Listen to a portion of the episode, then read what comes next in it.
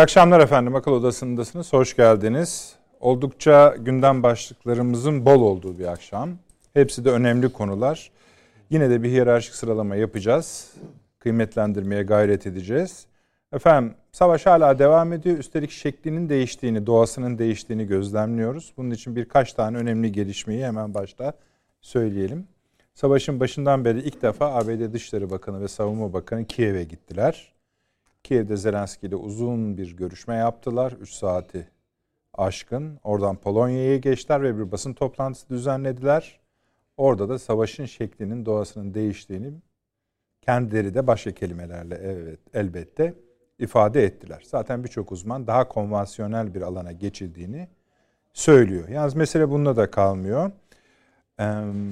Başka ülkeleri teşvik etmek konusu da Amerika Birleşik Devletleri'nin daha ve İngiltere'nin özellikle belirtelim ikisi e, daha baskılı oldukları anlaşılıyor. Yine Almanya'da aynı gün 40 müttefik ülkenin savunma bakanları bir araya geldiler. ABD Savunma Bakanı da oradaydı. Bir görüşme yaptılar. Bu da aynı savaşın şekline ilişkin değişikliklerin ipuçları sayılıyor. Başka detaylar var. Örneğin İsrail'in de artık pozisyonunu Rusya'ya karşı değiştirdiği gözlemleniyor. Bunun işaretlerini daha çok alacağız. Böyle birkaç seri adım var. Ee, daha çok e, konvansiyonel silahın bölgeye akmaya başladığını da söylediler. Bunun daha da artacağını söylediler. Ve bunların hepsi bu hafta sonu ve hafta başı meydana geldi. Yani pazar, pazartesi, cumartesi bugünlerde meydana geldi. Ee, aynı günde pazar günü de e, Rusya işte şu ana kadar dünyadaki en tehlikeli nükleer silahı işlevsel hale getirmek üzere olduğunu duyurdu. Geçtiğimiz çarşambada zaten denemesi yapılmıştı. Buna da ufak bir alt başlık açacağız. Yani Sarmat'tan bahsediyoruz efendim. E, alanda ise Moldova'ya kadar sarkan, Transdinyester'e kadar ulaşan bir cephe var. Bu da genişliyor. Ve bütün bunlara baktığımızda dediğim gibi daha çok madde sayacağız efendim. Ee, barış beklentilerinin biraz daha e, hani söylerken bir de biraz üzülerek söylüyoruz. Gerilediğini hissediyoruz ancak e, Türkiye kendi pozisyonunda herhangi bir değişiklik görmüyor. Barış görüşmeleri barışın üzerine abanmaya devam ediyor. Nitekim Zelenski ve Lavrov'la Sayın Cumhurbaşkanı'nın üst üste görüşmeleri oldu. Daha yeni taze ve e, eminiz bu son gelişmelerde, bu görüşmelerde, e, konuşmalarda yer almıştır efendim. Bir başka başlığımız e, küresel silahlanma yarışının tablosu ile ilgili 2.1 trilyon dolar bütün insanlık tarihinin rekoru. Aferin bize öyle söyleyelim. 2000 yani bu para herhalde dünyadaki e, sosyal sağlık vesaire bütün sorunları çözecek bir miktar. Dediğim gibi aferin bize bunun üzerine de biraz konuşacağız. Tabii en çok parayı kim e, harcadı, kim harcayamadı, Türkiye har ne kadar harcadı onlara da bakacağız bu akşam. Fransa seçimleri biraz değineceğiz. ABD Rusya için ne üretti?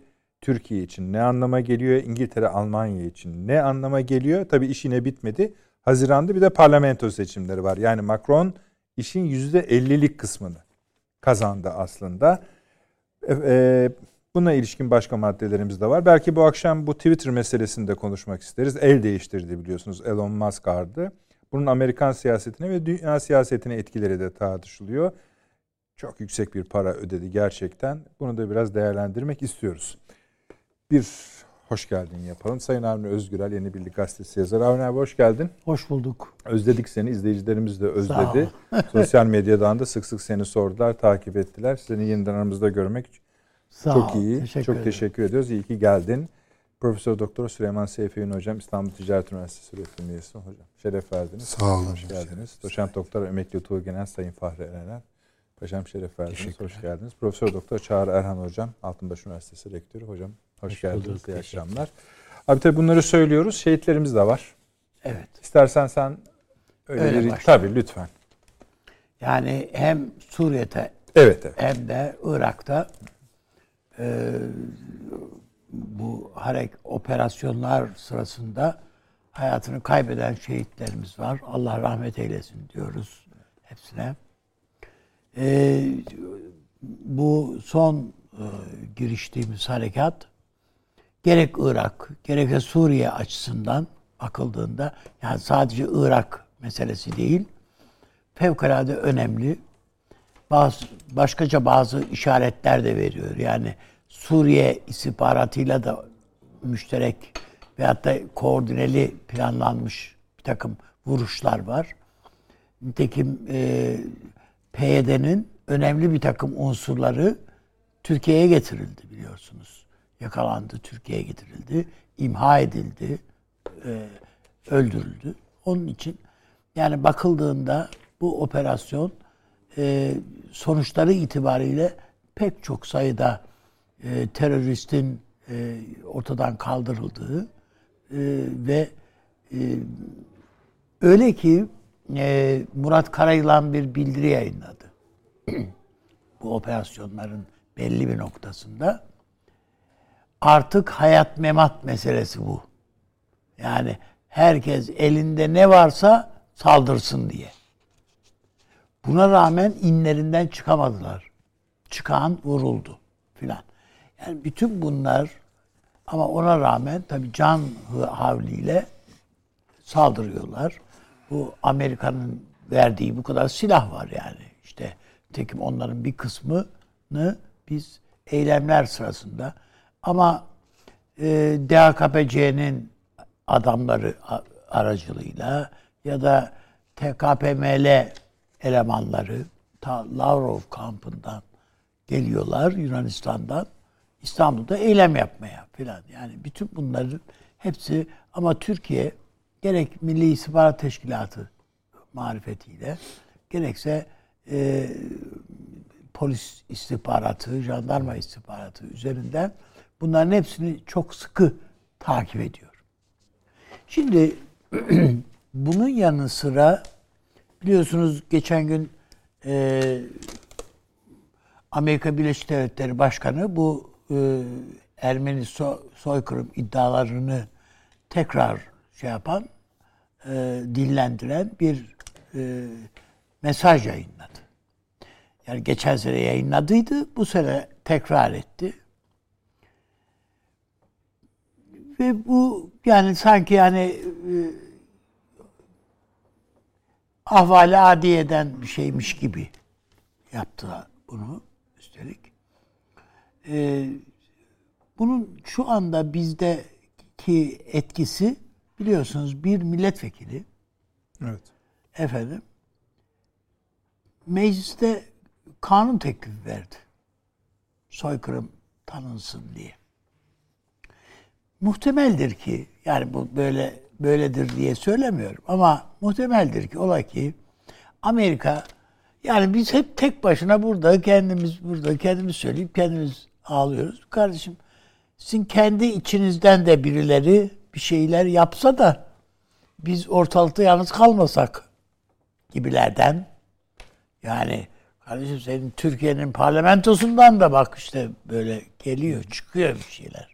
Teşvik evet. ettiği diyelim o kadar. Evet. Öyle mi düşünüyorsun? Evet. evet. Yani bu bu herhalde talep etmişlerdir. Ve bu öyle çıkabilir.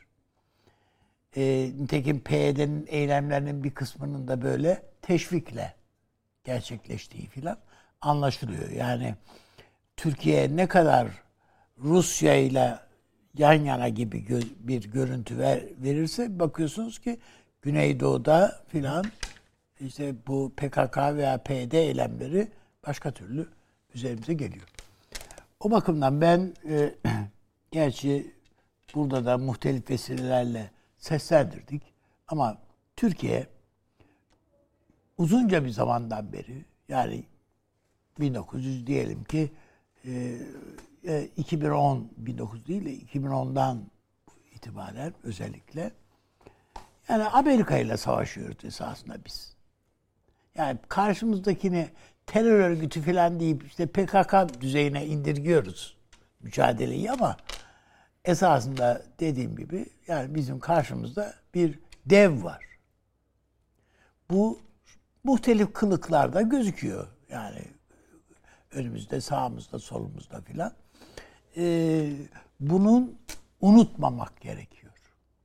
Biz bu 1915 olayları filan layıkı vesile kendi çocuklarımıza öğrettiğimizi düşünmüyorum açıkçası.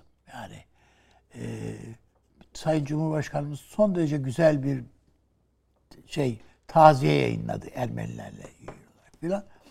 Bunların hepsinin bir karşılığı var, vardır muhakkak inanıyorum buna. Türkiye'nin tavrına da uyar.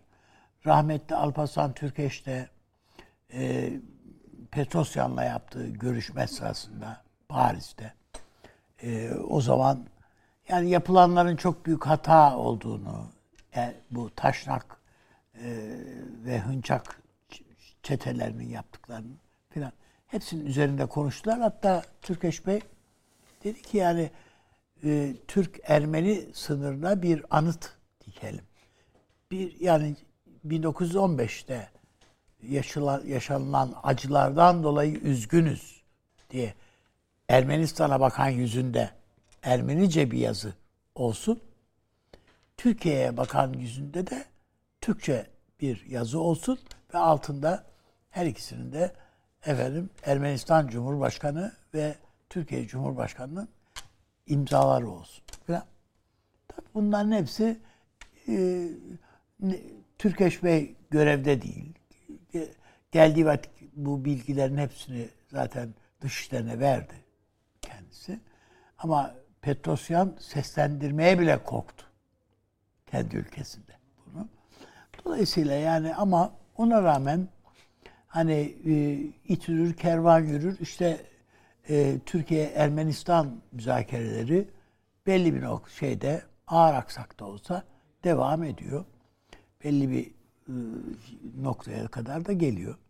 Ben o bakımdan çocuklarımıza bu 1915 olaylarını doğru anlatmanın ve bunun arkasında yani bu sadece bir Ermeni diyerek bunu geçiştirmenin Ermenilere de haksızlık bu. Çünkü bunun arkasında da Amerikan e, protestanlaştırma politikalarının Anadolu'yu e, bunların hepsinin etkisi var, ağırlığı var. E, Ermeni çetelerinin e, Kürt bölgelerini nasıl e, talan ettiği, nasıl oralarda e, efendim zulmettiği, katliamlar yaptı. Bunların hepsini biliyoruz. E, bazı birlikler var. Fransız Birliği mesela bir Fransız Birliği tamamı Ermenilerden oluşuyor. Birliğin. Yani o kadar ki Fransızca konuşmayı bilmiyorlar adamlar. Yani o şeyde ama Fransız üniformasıyla ortaya salınmışlar. Bunları bana göre e, biz e, büyük ölçüde e, temel bilgilerini Ermenistan'ın ilk cumhurbaşkanının anıları var. Biz nasıl Türkiye'yi, Osmanlı İmparatorluğu'nu arkasından vurduk diye. Hatırlayacaksınız Bunlar, bir yıl önce Biden bunu ilk söylediğinde biz o kitabı buraya getirdik. Evet. Hatırlıyorsunuz o bölümleri okumuştuk. Çok evet. ilginçti yani gerçekten. Yani ama işte bizim burada okumamız La, tabii, tabii, ziyade anlıyorum sizi. bunların e, yetişen lise talebelerimize, gençlerimize bunların doğru anlatılması lazım. Bunların belgeseller haline getirilmesi lazım. Evet bizim kendi tarihimizle ilgili belgesel filmler falan yapıyoruz ama bu tür olaylar da var yani Türkiye'nin tarihinde. Ve e, bunları e, dillendirmekten geri kalmamak lazım diye düşünüyorum. Peki bu pençe kilitle ilgili de bir şey daha sorayım size öyle devam edelim. Bu operasyonun sadece askeri bir harekat olmadığı, evet, bir evet, tabii. mesela Türkiye-Irak, Türkiye-Suriye, Türkiye-İran ilişkileri özelinde yeni hatta e, Kuzey Irak yönetimi Türkiye ilişkilerinde yeni sayfalar açacağı, bir zemin oluşturacağına ilişkin. Kesin. Ee, yani e, biliyorsunuz bu e, şeyde bu e, Pençe Kilit o, e, harekatıyla ilgili olarak Kuzey Irak yönetimi e, bildiri yayınladı. Desteklediğine dair bildiri yayınladı. Biraz gecikerek yayınladılar ama yani neyse yayınladılar. Bağdat onu da yayınlamadı. Bağdat işte protesto etti hatta. Evet. Türkiye'ye nota verdi. Ben onu da biraz hani biraz dostlar alışverişte görsün. Evet biraz mecburiyet tahtında yani filan. Ama Türkiye derhal yani siz zaten kendi ülkenizin e, topraklarınızda bu terör yuvalarının e, barınmasına imkan veriyorsunuz. Bu bile zaten müdahalemizi ise e, haklı kılıyor falan diye. Türkiye ona Peki. cevap verdi. Ama burada esasında belki Türkiye'nin e, üzerinde durması gereken hususlardan bir tanesi İran. İran'la ilgili olarak mutlaka ve mutlaka Türkiye'nin tekrar yani bölgede Amerika'nın istemediği ülke. Hatta Suriye yönetiminin de, mevcut Suriye yönetiminde bir an evvel şunlardan kurtulsak dediği bir ülke İran. Ama buna rağmen bir Türk aleyhtarlığı. Bunu bundan vazgeçmiyorlar. Bunu yani Astana sürecinde biz zannettik ki veya düşündük ki İran, Türkiye, Rusya müşterek bazı şeyler, e, hareketler üzerinde e, mutabakat sağlayabilir diye zannettik. Ama İran her seferinde e, Türkiye'yi yanılttı, Ankara'yı yanılttı.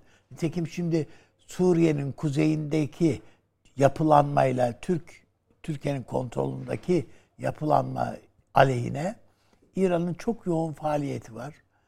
E, ben bu e, noktada hani İran'la kapışalım demiyorum ama hiç değilse Rusya'nın da şeyiyle müdahalesiyle bu Astana sürecini tekrardan biraz canlandırmak, üzerine İran'ın baskı yapabilmek e, ve e, oradaki müşterek Peki. düşmanın demeyeyim ama hasmın Amerika olduğunu anlatabilmek.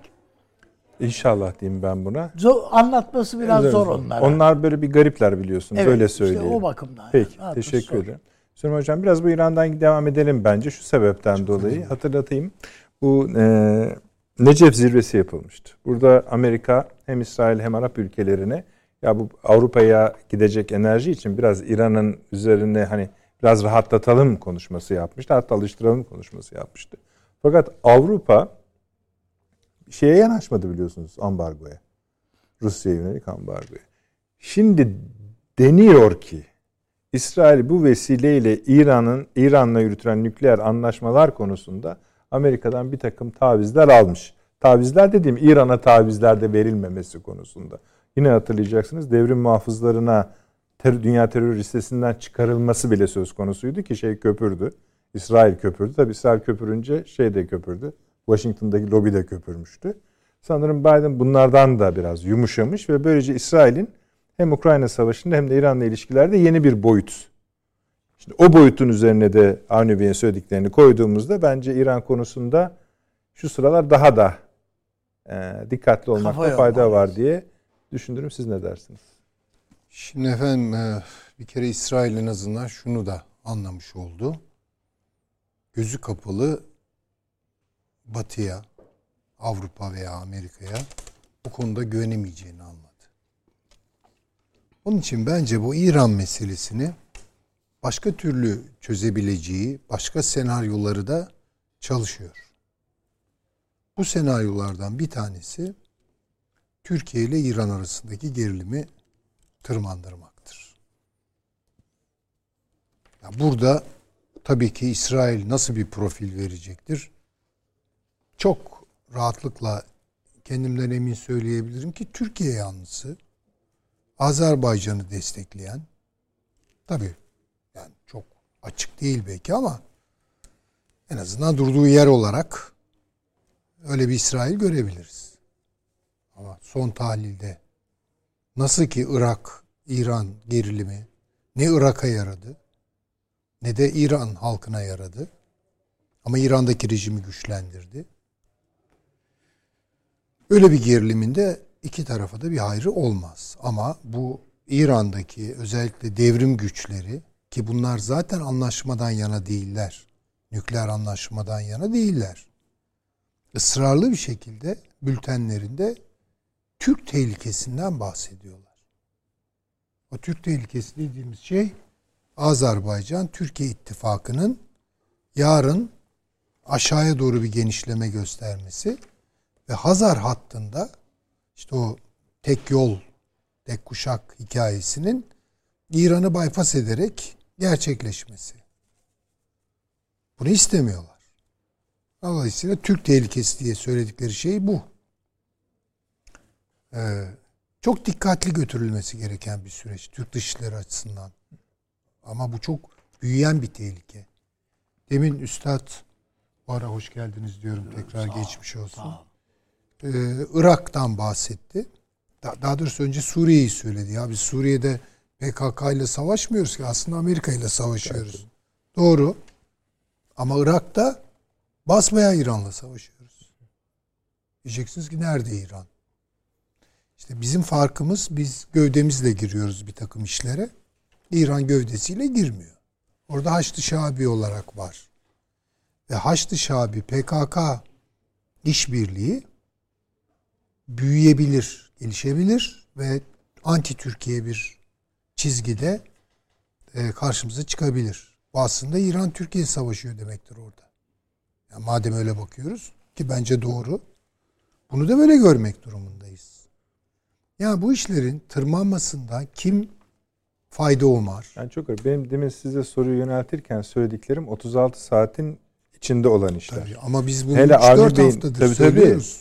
Tabii. Ee, Avni Bey'in söylediği asıl sorunun Amerika Birleşik Devletleri olduğu mutabakatına gelene kadar abi biz bu iş daha çok sürermiş gibi geliyor. Yani bu adam Tahran'ın nasıl kafasına... Şeye mesela Irak'a yapılan operasyon, hava operasyonlarında Haçlı Şabi'ye haber veriyoruz. Veriyoruz yani, tabii. Nezaket diye. Nezaket ama yani Haçlı Şabi de bültenlerinde, açıklamalarında evet. ağır bir dil kullanıyor ve tehdit ediyor. Öyle. Ya bu şu demek yani şu veya bu aşamada Haçlı Şabi ile Türk ordusu arasında çatışmalar çıkarsa tabii ki istemem böyle bir şey ama şaşırmamak gerekiyor. Ya oraya gidiyor iş. Kat kat gelişiyor. Şimdi böyle bir senaryoda bir kere İsrail bundan çok mutlu olur. Onu söyleyeyim. Türkiye ile İran'ın gerilimi. Şu anda işte o mutlu halinde. Rusya bundan çok mutlu olur. Ermenistan bundan çok mutlu olur. Hatta Çin ya bir an evvel hallolsun bu iş. Ya İran mı yoksa evet. Azerbaycan mı? Ya Hazar mı yoksa aşağısı mı? Karar verecek yani. O da kendine göre. Ve İran'la da çok ciddi anlaşmaları var. Bunlara baktığımız zaman yani cephenin çok katmanlı, çok boyut, boyutlu olduğunu söyleyebiliriz.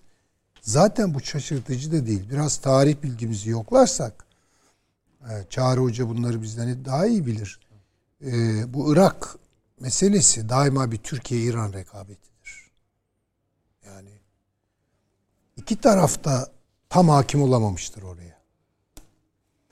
Ee, Irak modernleşmesini çalışan bir dostumun çalışmasından biliyorum. Yani Bağdat'ta İstanbul'un merkezin tam kontrolü Tanzimat sonrasıdır.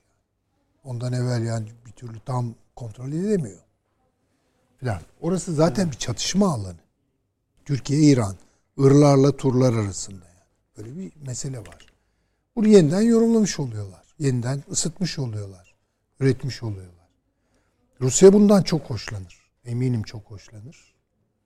Yani Türkiye'nin başını orada belaya sokmak. Yani bu ona karşı çok dikkatli olmamız lazım. Peki. Benim e, şahsi düşüncem odur. Peki teşekkür ederim. Rica ederim. siz yanıtlarken biraz daha harekatın şu anki durumuna biraz bakabilirsek. E, e, harekatta e, Sayın Savunma Bakanı şöyle bir ifadesi oldu esasında.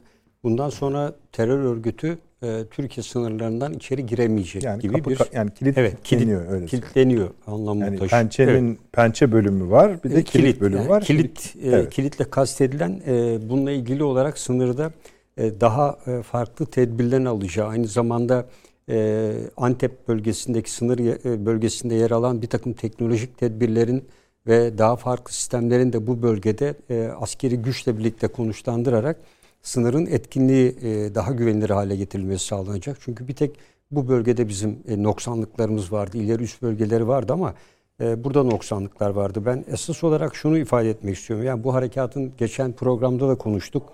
E, enerji e, vesaire gibi birçok konular, Sincar'a çıkış kapısı vesaire gibi dedik ama bence Türkiye e, Kuzey Irak Bölgesel Kürt Yönetimi'ni anlaşarak Kuzey Irak Bölgesel Kürt Yönetimi'nin olası bir referandum sonrası sınırlarını çiziyor. E, bu çizilmek zorunda. E, bundan sonrası için de. E, çünkü e, Türkiye eğer burada Kuzey Irak'ta bir sınır çizmediği takdirde e, muhtemeldir ki yakın tarihte üçe bölünecek olan e, Irak'ta asla bundan sonra söz sahibi olamayacaktır ve misak milli sınırlarının dışında kalacaktır. Çünkü İran e, buna yönelik bir fırsat kollamaktadır ve Türkiye İran'ın bu bölgede Erbil'e yönelik yaptığı e, füzeli saldırı sonrasında bunu hızlandırması ve Barzani ile Türkiye'de Sayın Cumhurbaşkanlığı'nın yaptığı görüşmeler sonrası ve uluslararası konjonktürün de ve Türkiye-Amerika ilişkilerindeki yumuşama vesaire gibi faktörleri de dikkate aldığımızda şu anda özellikle Irak'la Kuzey Irak Bölgesel Kürt Yönetimi arasında petrol konusundaki e, gelirlerinin paylaşımındaki anlaşmazlığın giderek artan boyutlara ulaşması, e, İran içindeki Şii, Şii iki farklı grup arasındaki çatışmaların e, ve bu DAEŞ'in e, şeylerinin, eylemlerinin artması e, İran tekrar yavaş yavaş e, kaotik bir ortama doğru sürüklendiğini gösteriyor. E, bu yüzden e, şu anda nispeten daha... Sevgili Paşam e, isterseniz siz ilerlemeden o başlangıçtaki cümlenizi biraz sabitleyelim altını çizelim. Yani siz şunu mu diyorsunuz? Irak bölünürken Türkiye kendi kanatları altında bir Irak parçasının sınırlarını bu vesileyle de yani Pençe Kilit Harekatı vesilesiyle de belirliyor mu?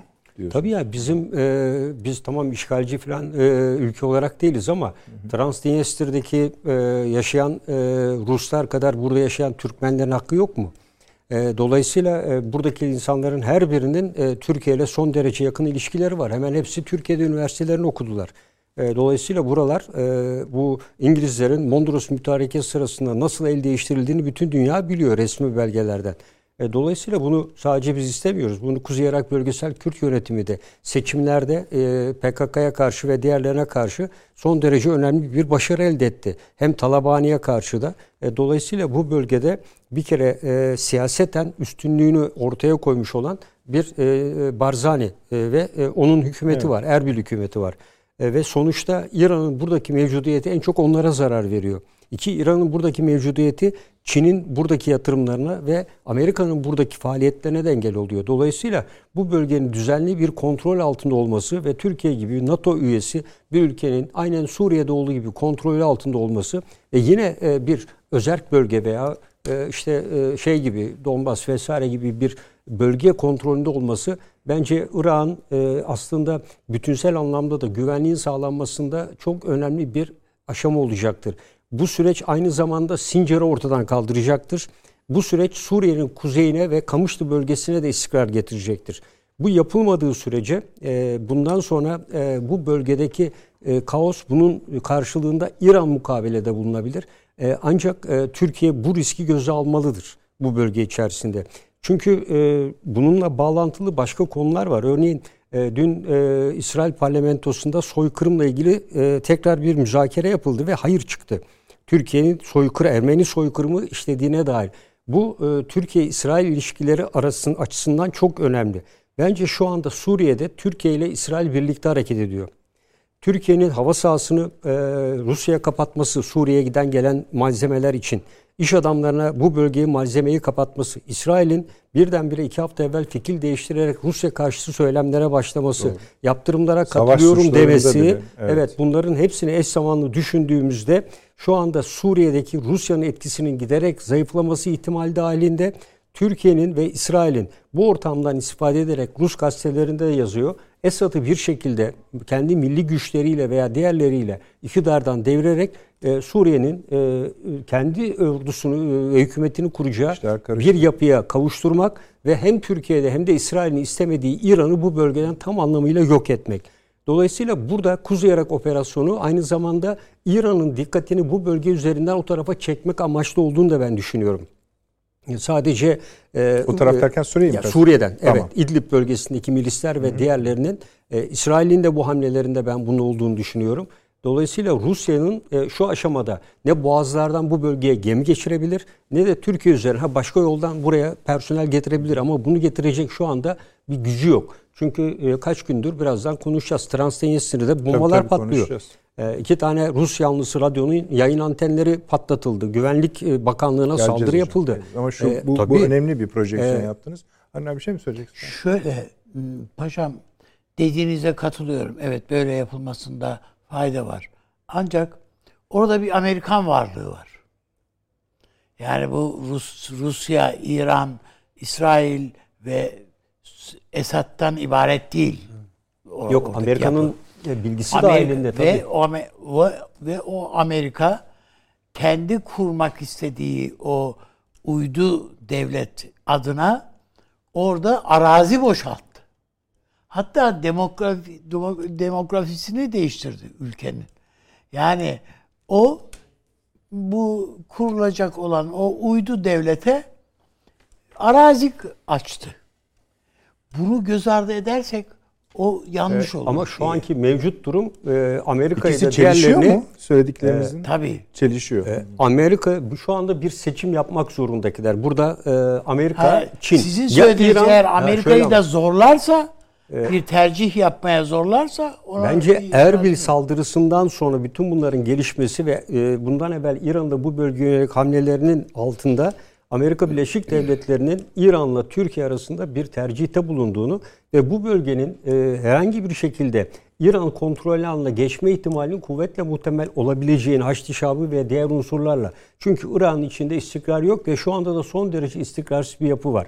E, bu ortam içerisinde Kuzey Irak Bölgesel Kürt Yönetimi ile merkezi hükümet işte Sincar'da bir e, ortak bir yapı kurarak burada güvenliği sağlayacaklardı. Bunda başarısız kaldılar. Sincar Anlaşması e, boş çıktı. Bunun ötesinde petrol memur maaşlarının ödenmesi konusunda ciddi sıkıntılar var.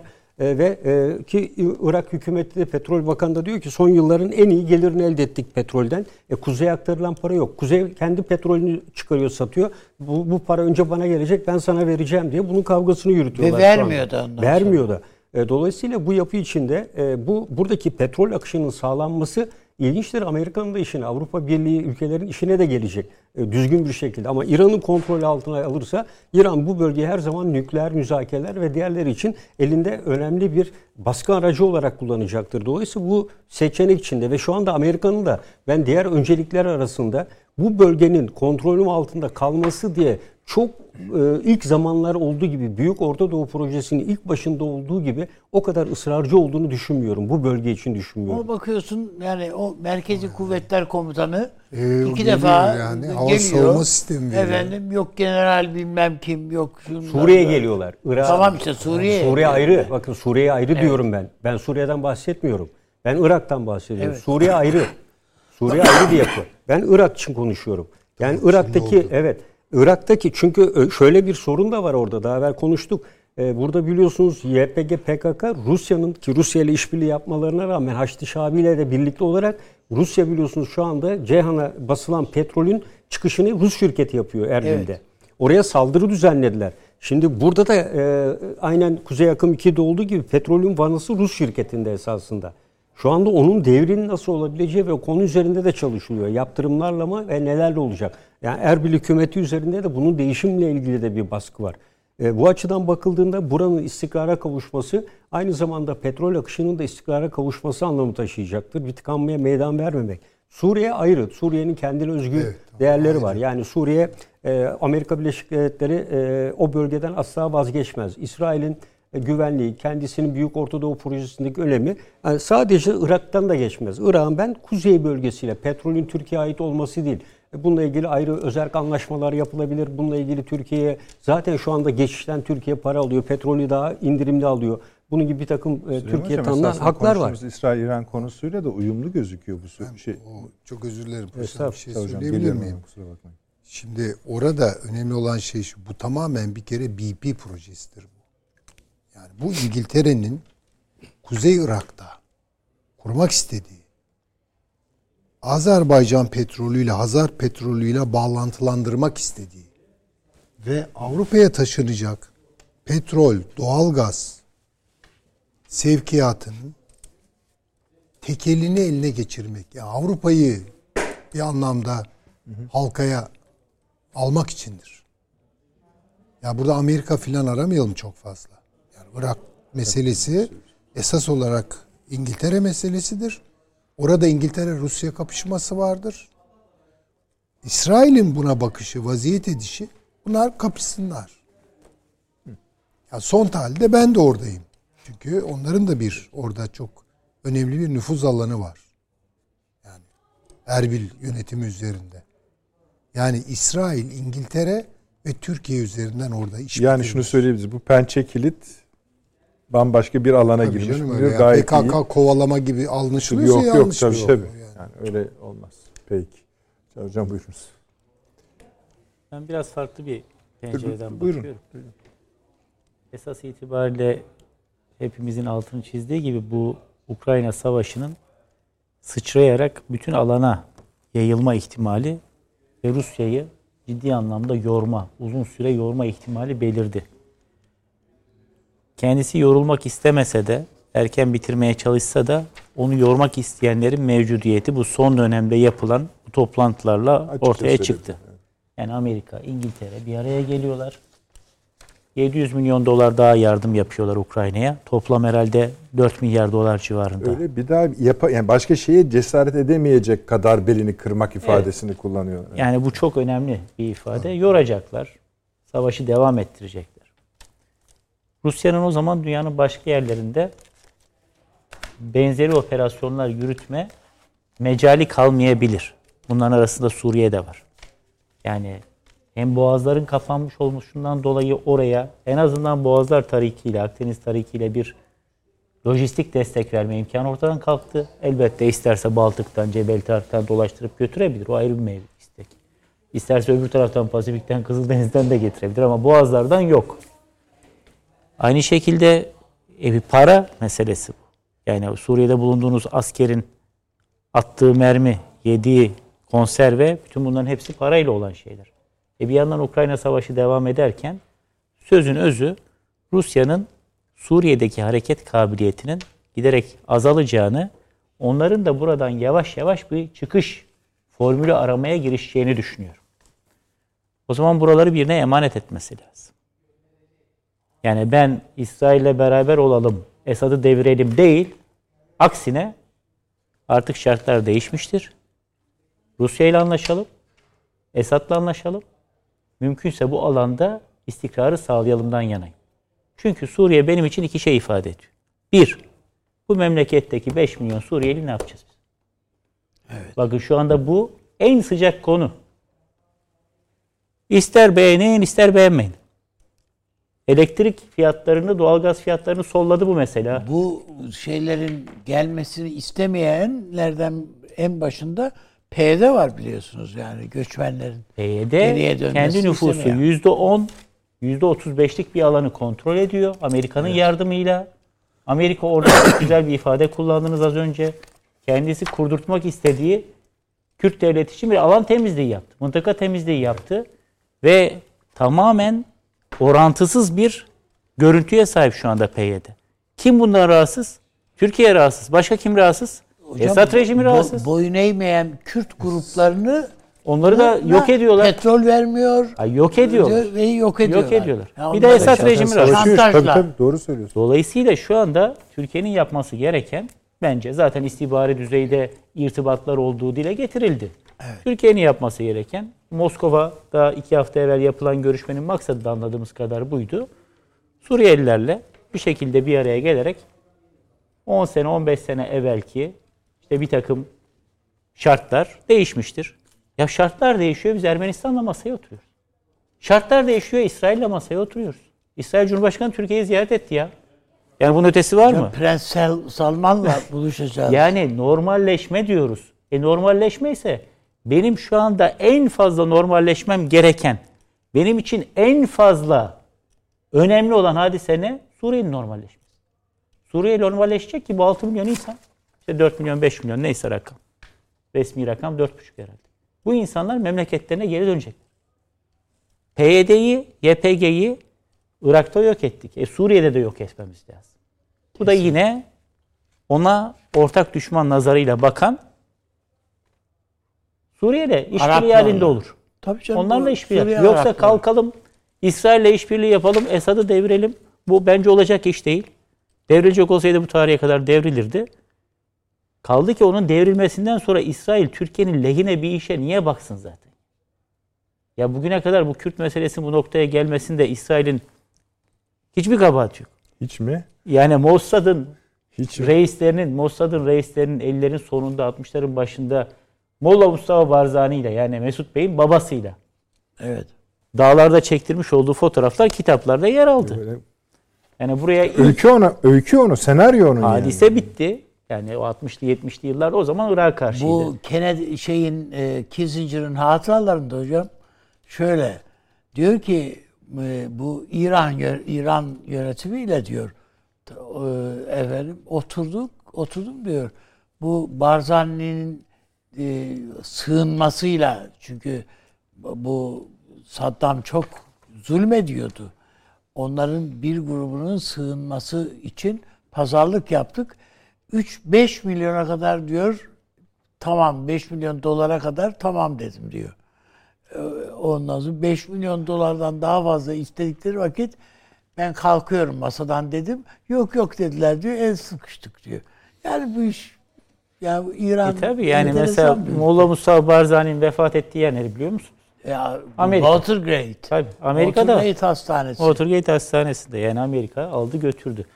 Sonra 2003 Irak harekatından sonra bu kez Mossad Irak'a özel güvenlik şirketi görüntüsü altında danışmanlar gönderdi. O bölgeye yine silahla eğitim verdi. Neden? Çünkü yani bazen bilinir bazen bilinmez. Tekrarda fayda var. Yüz binlerce Kürt Musevisi yaşamaktadır İsrail'de. Öyle. Yani bunlar Irak İngiliz mandası altına girdikten sonra bir meşhur pogrom vardır Irak'ta. Yani Yahudi karşıtı bir hareket. O sırada bunlar o katliamdan kaçıp gelip yerleşmişler. Ya bu ne zaman Musevi oldu bunlar? Babil sürgünü esnasında. Yani Nabukadnezar biliyorsunuz ele geçirip de tapınağı yık- yakı- yıkıyor. Bab- Ve Babil'e sürüyor Musevi. Evet. Ve Bu o sırada cihan şumul bir din. O sırada Musevilik bir ırka hasredilmiş bir din değil. O sırada Mus- semavi bir din ve cihan şumul bir din olduğu için nasıl Etiyopya'da falaşalar Yahudi ırkından olmamakla beraber Musevi olmuşlar. Evet. Aynı şekilde nasıl da Hazaralar Yahudi ırkından olmamakla beraber Türk bunlar Musevi olmuşlar. Aynı şekilde burada bir kısım Kürtler de Musevi olmuş. Bunlar şeye maruz kaldıklarında pogroma Musevilerle beraber yani Yahudilerle beraber Yahudi Musevilerle bazı Kürt Museviler de göç etmiş yerleşmişler. İsrail'e ve çok ciddi bir bağları var bunların onlarla. O sebeple bunların bizim orada hayrımıza bir iş yapacağını falan ben açıkçası çok zannetmiyorum. Suriye özelinde çözümün Türkiye-Rusya adımı oldu. Türkiye hep başından beri ben bunu savundum. 2013'ten beri hep aynı şeyi söylüyorum. Suriye konusunda çözüm Moskova'dan geçer. Bunu ilk söyleyen de benim, ilk yazan da benim. O tarihten bu yana da zerre kadar görüşüm değişmedi. Biz Washington'da falan çözüm aradık yıllarca yanlış. Bizim Washington bizim koyum, kuyumuzu kazıyor orada ya. Sizler söylüyorsunuz. Sayın Cumhurbaşkanı vesikalandırıyor. Binlerce tır, yetmedi tır uçaklarla indirdiler silahları buraya. Geçen hafta konuştuk. Adama general ünvanı verdiler. Değil mi? Mazlum Kobani diye bir adam üreti verdiler. Çünkü kahraman lazım kendilerine. Türeti verdiler böyle bir. Tabii, Öcalan'ın koruması. Koruması Evet. adam. Esenler işte Güngören bombalamaların faili. Neredeyse madalya takacaklar. Evet.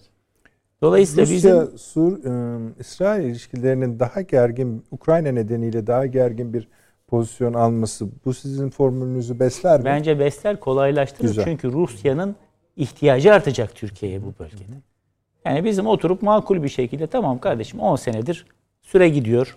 Yüz binlerce insanı katletti. yani bir formül kurmuş oluyoruz Yüz esasında. binlerce insanı katletti. Hocam, Yüz eli binlerce temiz olan kim var bu, bu coğrafyada? Anlayamadım. Eli temiz olan kim var? Ya baktığınız zaman herhalde yok değil mi? E işte yani bu, Yani bu coğrafya böyle. Hepsi el sıkışıyoruz. İşte önümüzdeki hafta mı e, Prens Salman'la falan da barışıyoruz. E, ne, ne var yani işte.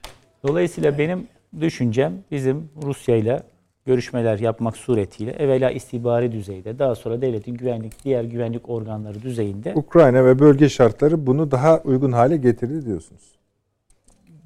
daha da uygun hale getirmek için gerekirse çalışmalıyız da diyorum. Tamam tamam. Çünkü bakın ama bu öyle soruyu, de gidiyormuş gibi. Bu soruyu sormak meşru bir Peki şimdi şey. oraya şeyi nasıl ekleyebiliriz hocam? Ku- Kuzey Irak'ı. Geç, şey yine ya. geçen hafta konuştuk. Kuzey Irak son derece önemli. Çünkü Türkiye buradan bir hamle yapmak suretiyle Irak'ın kuzeyinde hocam orada yüzde yüz katılıyorum. Irak'ın kuzeyinde oluşmaya başlayan e, yıllardır söyleriz. Ya bunun celladı olacak ya ebesi olacak Türkiye. Bunun ortası yok. Hocam dedi ya sınırları bir çizmezsek başkaları çizer biz de dışarıda bırakırlar. Evet. Bunun ebesi olmaya soyunmuş gibi gözüküyor Türkiye. Hangi mantıkla? Burası misak-ı milli çünkü. Eyvallah. Yani burası Musul vilayeti. Buna biz bir formül bulmak zorundayız. Evet. Suriye'yi O siyasi işte. bir formül. Bir Müşterek şey, iktisadi, evet, ekonomik, buna- e, yani iktisadi hayat entegra- sahası dedik ama. Entegrasyona Entegrasyon, işte mü- evet. müşterek iktisadi saha dedik.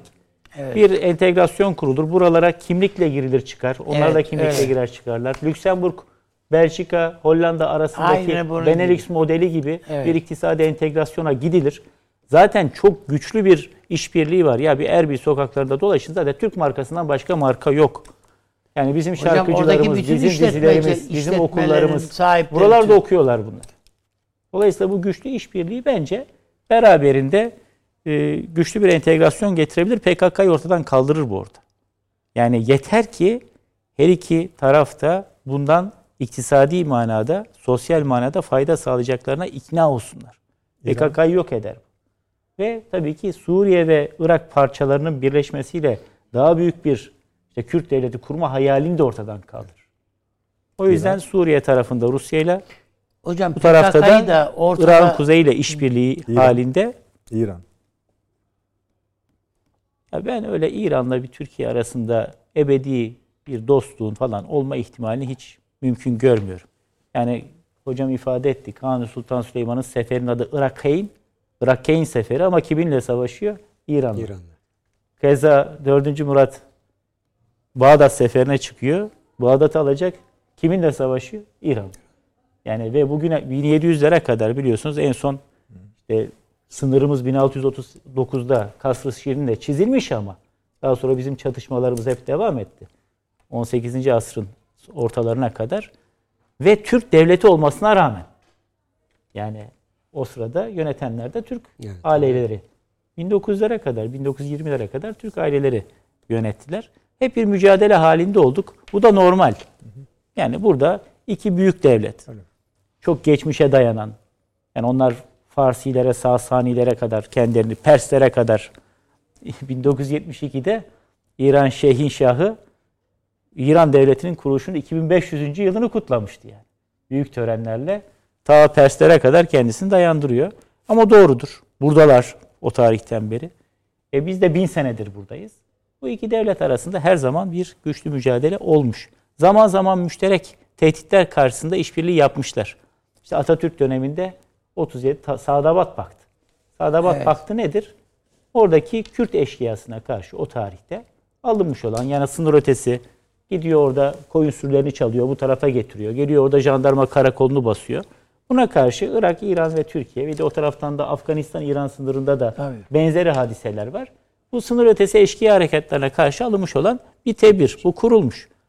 1955'te bizim Bağdat Paktımız var ama o dışarıdan Amerika Birleşik Devletleri'nin Evet. teşvikiyle. Yani Sadabat Paktı daha millidir. Tamamen bu devletler bir araya gelmiş Atatürk yönlendirmiş bunları. Bağdat Paktı ise.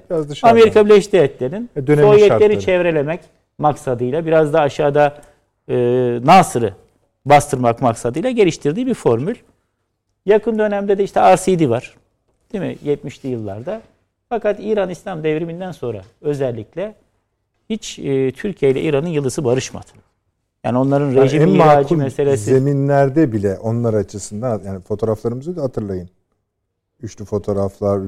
O dönemlerde ya bile bakın geçen sene o cümleleri kuramadı yani. Hani geçen çok sene böyle- hiç geriye gitmeyelim. Geçen sene 30 yıldır işgal altında bulunan Karabağ'da burayı azat etmek için değil mi bir mücadele başlattı.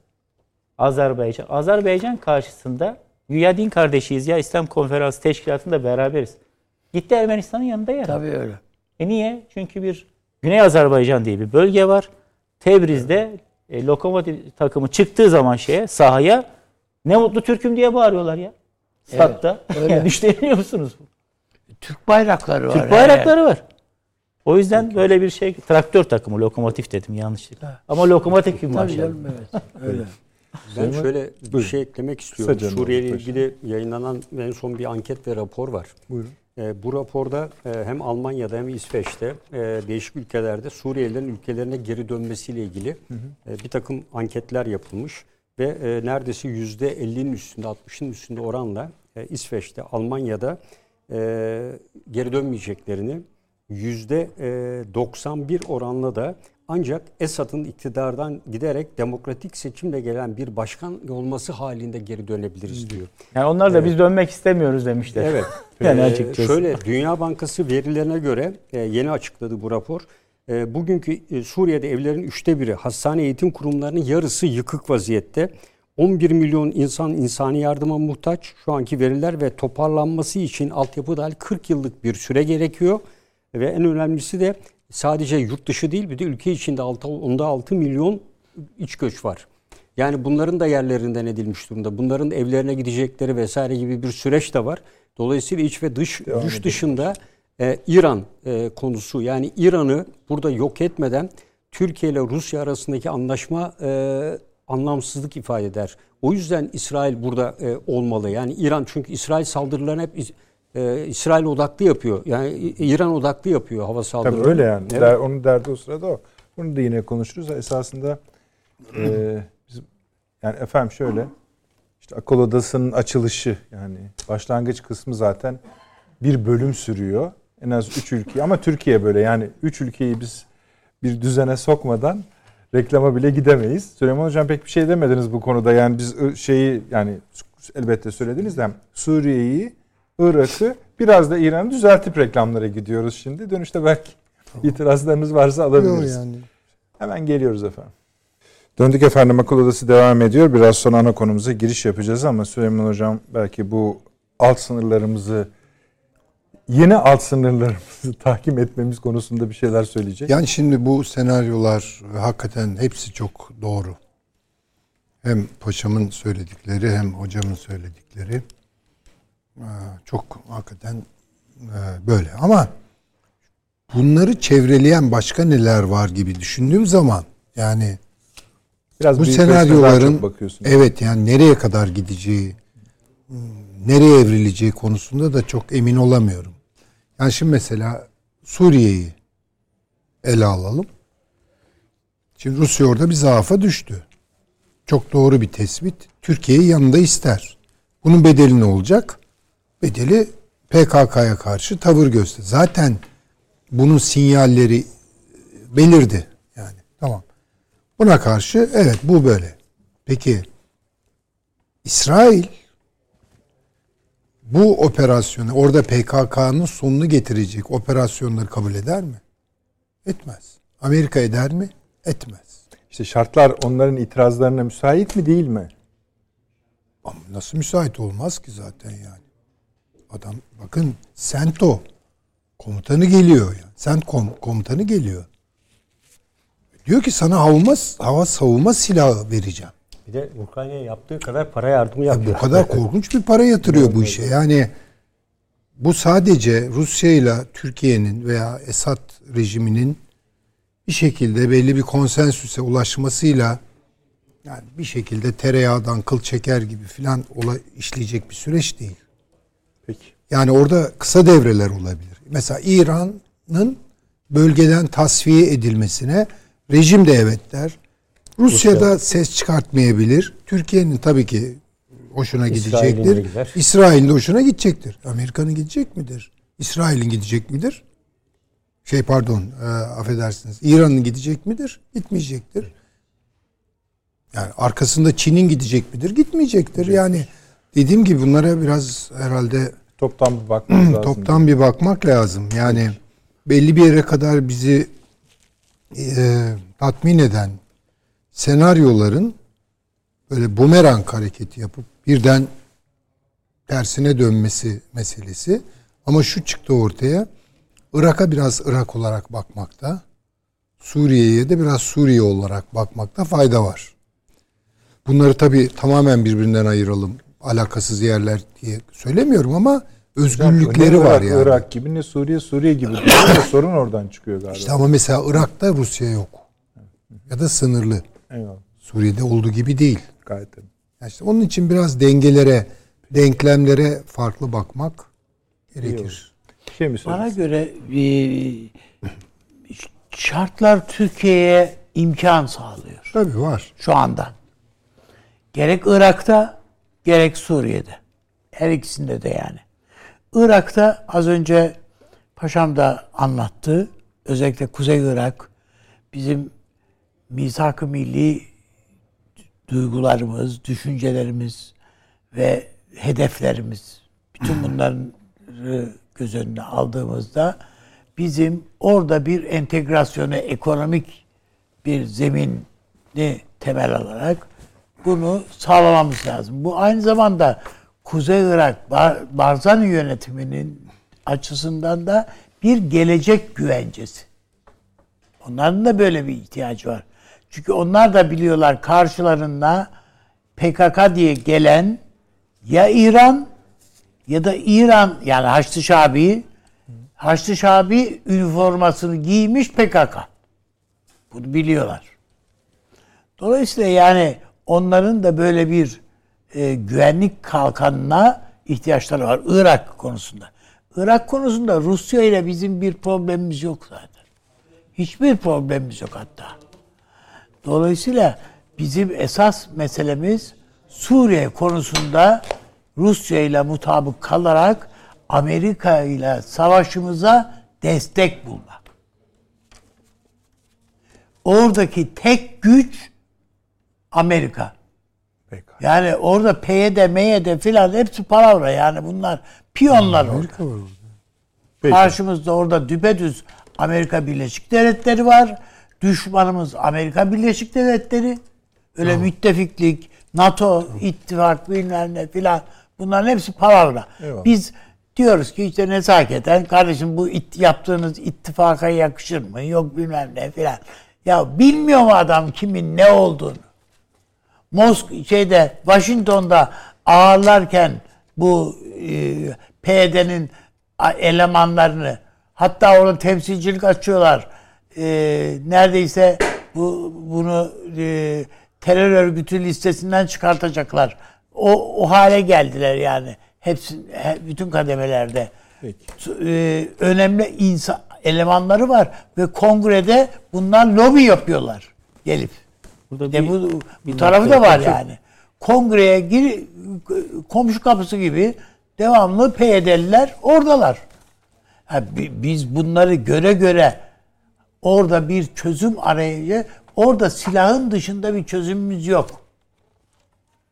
Nu, yani Nusra'yı bilmem neyi bir tarafa bırakın. Nusra filan hepsi Türkiye lehine savaşırlar orada. Peki. Hepsi. Ya bu Amerika'nın orada bir takım işte şu düşmana karşı bilmem ne falan ne hiçbirisi düşman düşman yok. Orada bir tek düşman var. O da Amerika. Peki. Şimdi bir şey ekleyeceğim. Bu doğru söylüyor. Avni abi oraya PYD'liler girip çıkıyor. Sürekli bir lobi halindeler. En güçlü müttefiki de Ermeni lobisi bunlar. Tabii canım. Çok öyle. enteresan. Yani Amerikan Kongresi'nde bundan hiçbir hiçbir şey tesadüf değil bu bölgede. Yani Amerika bir taraftan PYD üzerinden, PKK üzerinden sıkıştırmaya çalışıyor. Bir yandan da Biden yok efendim ben söz verdim daha evvel.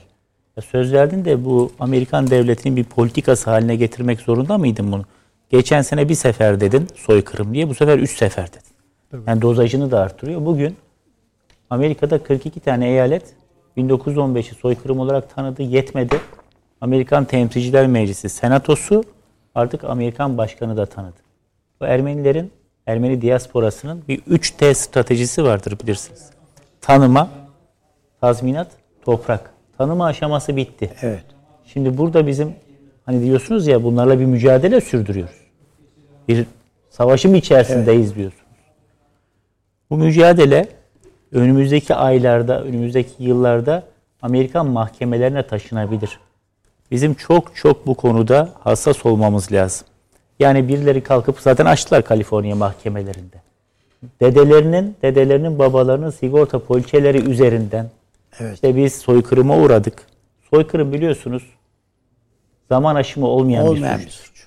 Her ne kadar 1948'de soykırım sözleşmesiyle bunun tanımı yapılmış olsa ide, da olsa da geçmişe şamil olan bir e, suç biçimidir bu.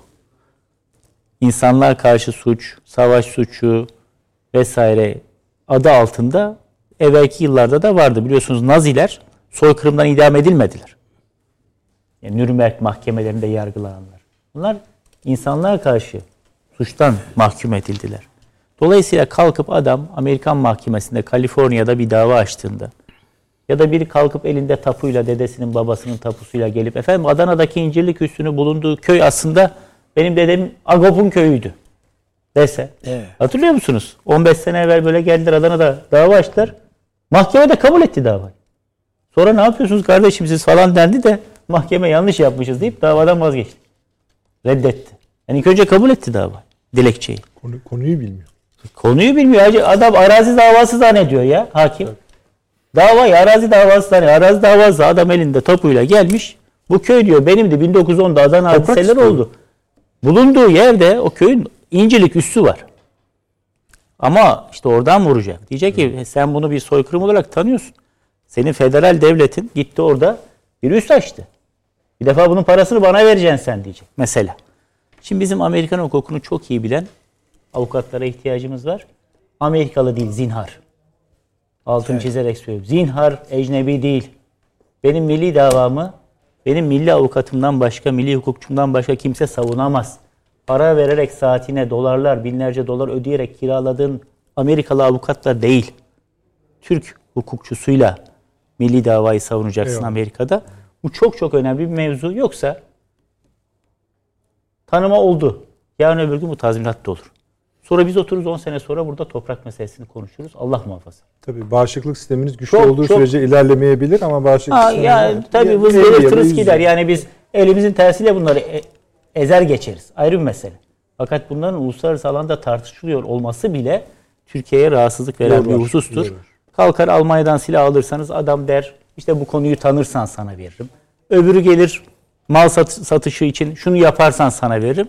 Herkes birbirine ekler. O yüzden hep müteyakkız olmak zorundayız. Sanal alanda da fiziki alanda. Peki. Süleyman Hocam Ukrayna'ya sizinle girelim izin verirseniz. Öyle açılış yapalım.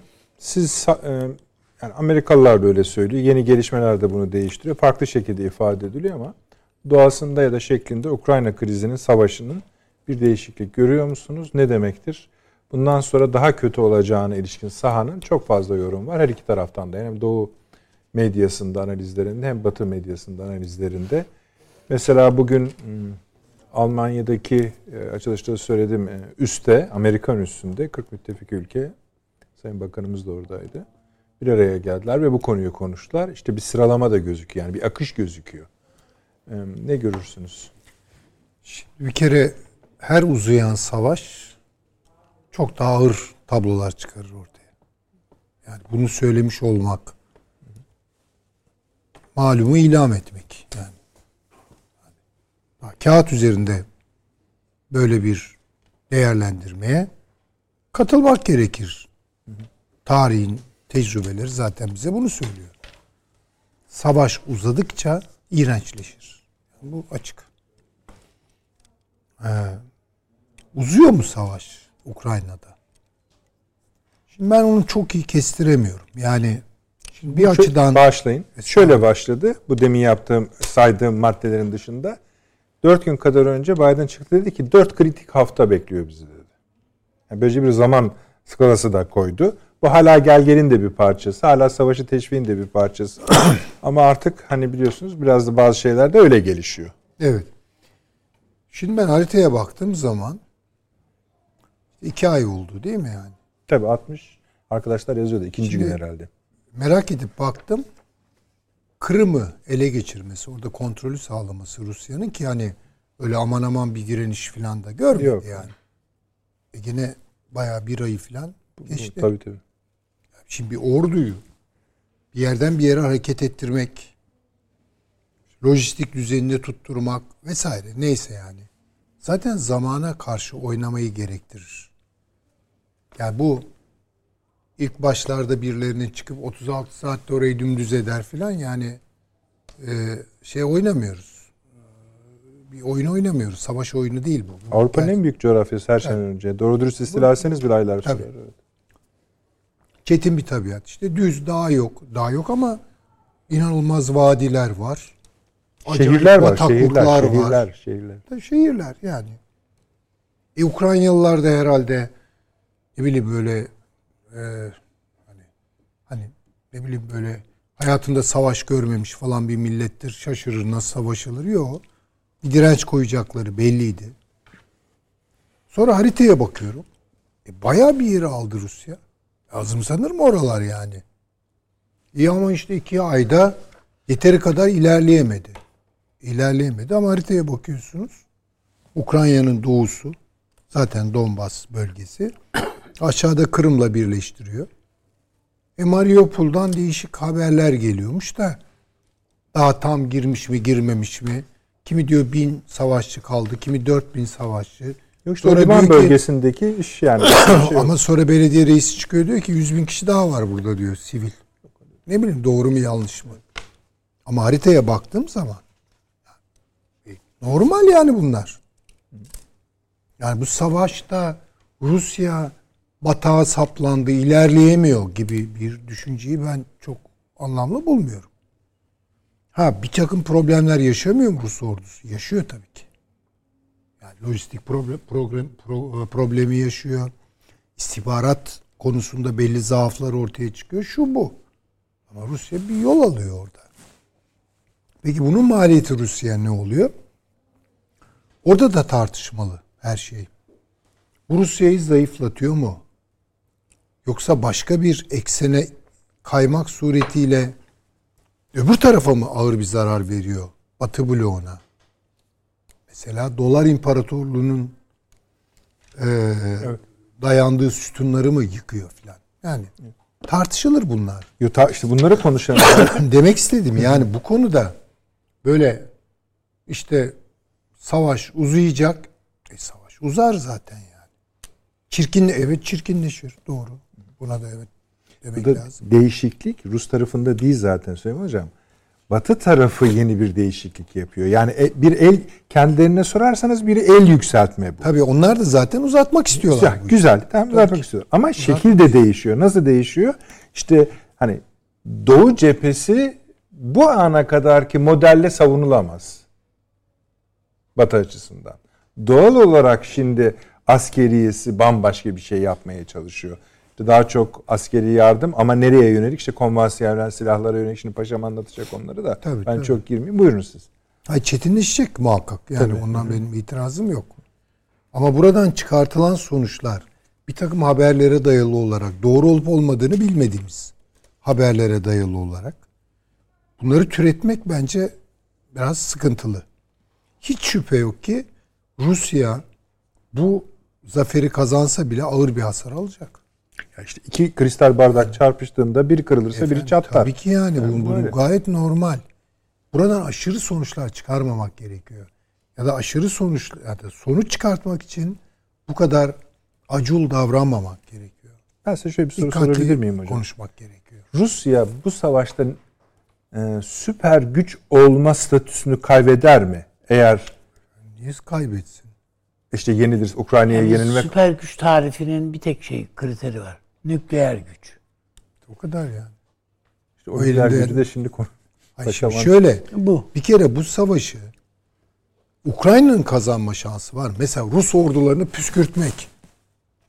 Öyle mi? Yani iş oraya giderse tamam o zaman bambaşka şeyleri konuşabiliriz. Yani Rusya elinde ondan sonra nükleer silah olsa bile kendini toparlaması çok güç. Başka bir Rusya çıkabilir mi işin içinden? Ama böyle bir şey söz konusu değil bana kalırsa ihtimal olarak. Demek istediğim eee, şu önemli. Bence bu savaşın uzamasının getirebileceği muhtemel sonuçları hem Batı açısından hem de Rusya açısından ayrı ayrı konuşmak lazım. Daha büyük denklemleri oturtarak. Batı-Çin meselesi, Rusya-Çin ilişkisi meselesi. Ama sonuçta Rusya'nın şöyle bir lüksü yoktu. Yani bu savaşı ben yapmayayım ya. Yani yaparsam çok zayıflayacağım. Güçten düşeceğim. Karizmam da çizilecek. E ismi yapmayayım. Böyle bir seçeneği yoktu ki. Şu anda geri çekilme, geri yani askeri olarak değil herhangi bir şekilde Tabii esneme ki. şeyi de yok. Yok. Şimdi buradan Rusya kesinlikle çok zayıflayarak Batı'nın istediği Üstad zaman zaman kullanır böyle kulak memesi kıvamına Kıvam. gelen bir Rusya olarak mı? Hayır efendim. Değil. Ya kesin böyle bir şey çıkaramazsınız. Çok daha güçlü de çıkabilir. Ve eğer hani Rusya istediğini elde edemezse, ağır bir güç zaafına uğrarsa Çin'le bir araya daha fazla gelecek demektir. Peki bu ne demek? Çok daha ağır bir tablo. Yani Amerika açısından düşündüğüm zaman. Demek istediğim yani e, savaş başka bir boyut kazanıyor. Uzayan savaş devamlı başka bir boyut kazanır zaten. Hatta o boyutun adını da söyleyeyim. Daha da çirkinleşir. Daha da pisleşir. Daha da karmaşık hale gelir. Daha gayri insani. Zaten savaş gayri insanidir de iyiden iyiye gayri insani hale gelir. Bütün bunlar yaşanacak. Yani gözüken o. Ama burada lütfen son sözünü ederim. Yani ya bir savaş çıktığı zaman birileri barış diye bir laf atar ortaya. Allah lillah aşkına yok. Yok. Ne Amerika'sı, ne İngiltere'si, ne Avrupa'sı. Utanmıyorlar. Utanmıyorlar yani. Ya durduralım şu savaşı. Biri söylüyor mu Allah aşkına? Bir tek, Böyle bir, sanki tek, bir tek biz söylüyoruz. bir tek biz söylüyoruz. Ve söylemeye lütfen devam edelim. Evet bize yakışan da odur yani. Ya çünkü yarın bu yazılacak. Çığırtkanlık yapıyorlar. Yani tribün liderleri gibi davranıyorlar. Şimdi bak e, şey iyi gidiyor bizim takım. Biraz orta sahayı güçlendirelim tabii, falan. Hücuma biraz daha ağırlık. Ne bu ya? Yeni bir transfer Sadece yapalım. savaş alanı da zaten Oluyor. tartışılmıyor. Mesela gerisinde Avrupa'nın homojenitesi, NATO'nun birliği ne oldu belli değil. İşte bak Macron kazandı ne demek? Almanya çıktı seçimden bir gün önce dedi ki Macron kazansa iyi olacak dedi. Yani bunların hepsi bir şey. E, tabii ki. Ama şimdi yani bu bunlar bile söylemiyorsa bu lafları. Ya mevcut şu an lider kadrosu. Yarın gelecek olanlar hiç söylemeyecekler. Onlar herhalde benzin falan İşte taşıyacaklar. bakın yani. savaş yani Rusya'ya bakarsanız daha ortada tek kurşun atılmamışken dedi ki bu dedi NATO'nun dedi e, genişlemesi büyük problem dedi. Şimdi İsveç, Finlandiya vesaire hani aynı neden üzerinden İşte onu diyorum yani daha hala da devam ediyorlar. savaş ihtimalini büyütecek hangi riskler varsa oraya yatırım yapıyorlar. E ama bakın şimdi Le Pen faşist ve kaybetti. Tam da Macron- kaybetti mi o da belli değil. Mesela Yani. Macron demokrat ve kazandı.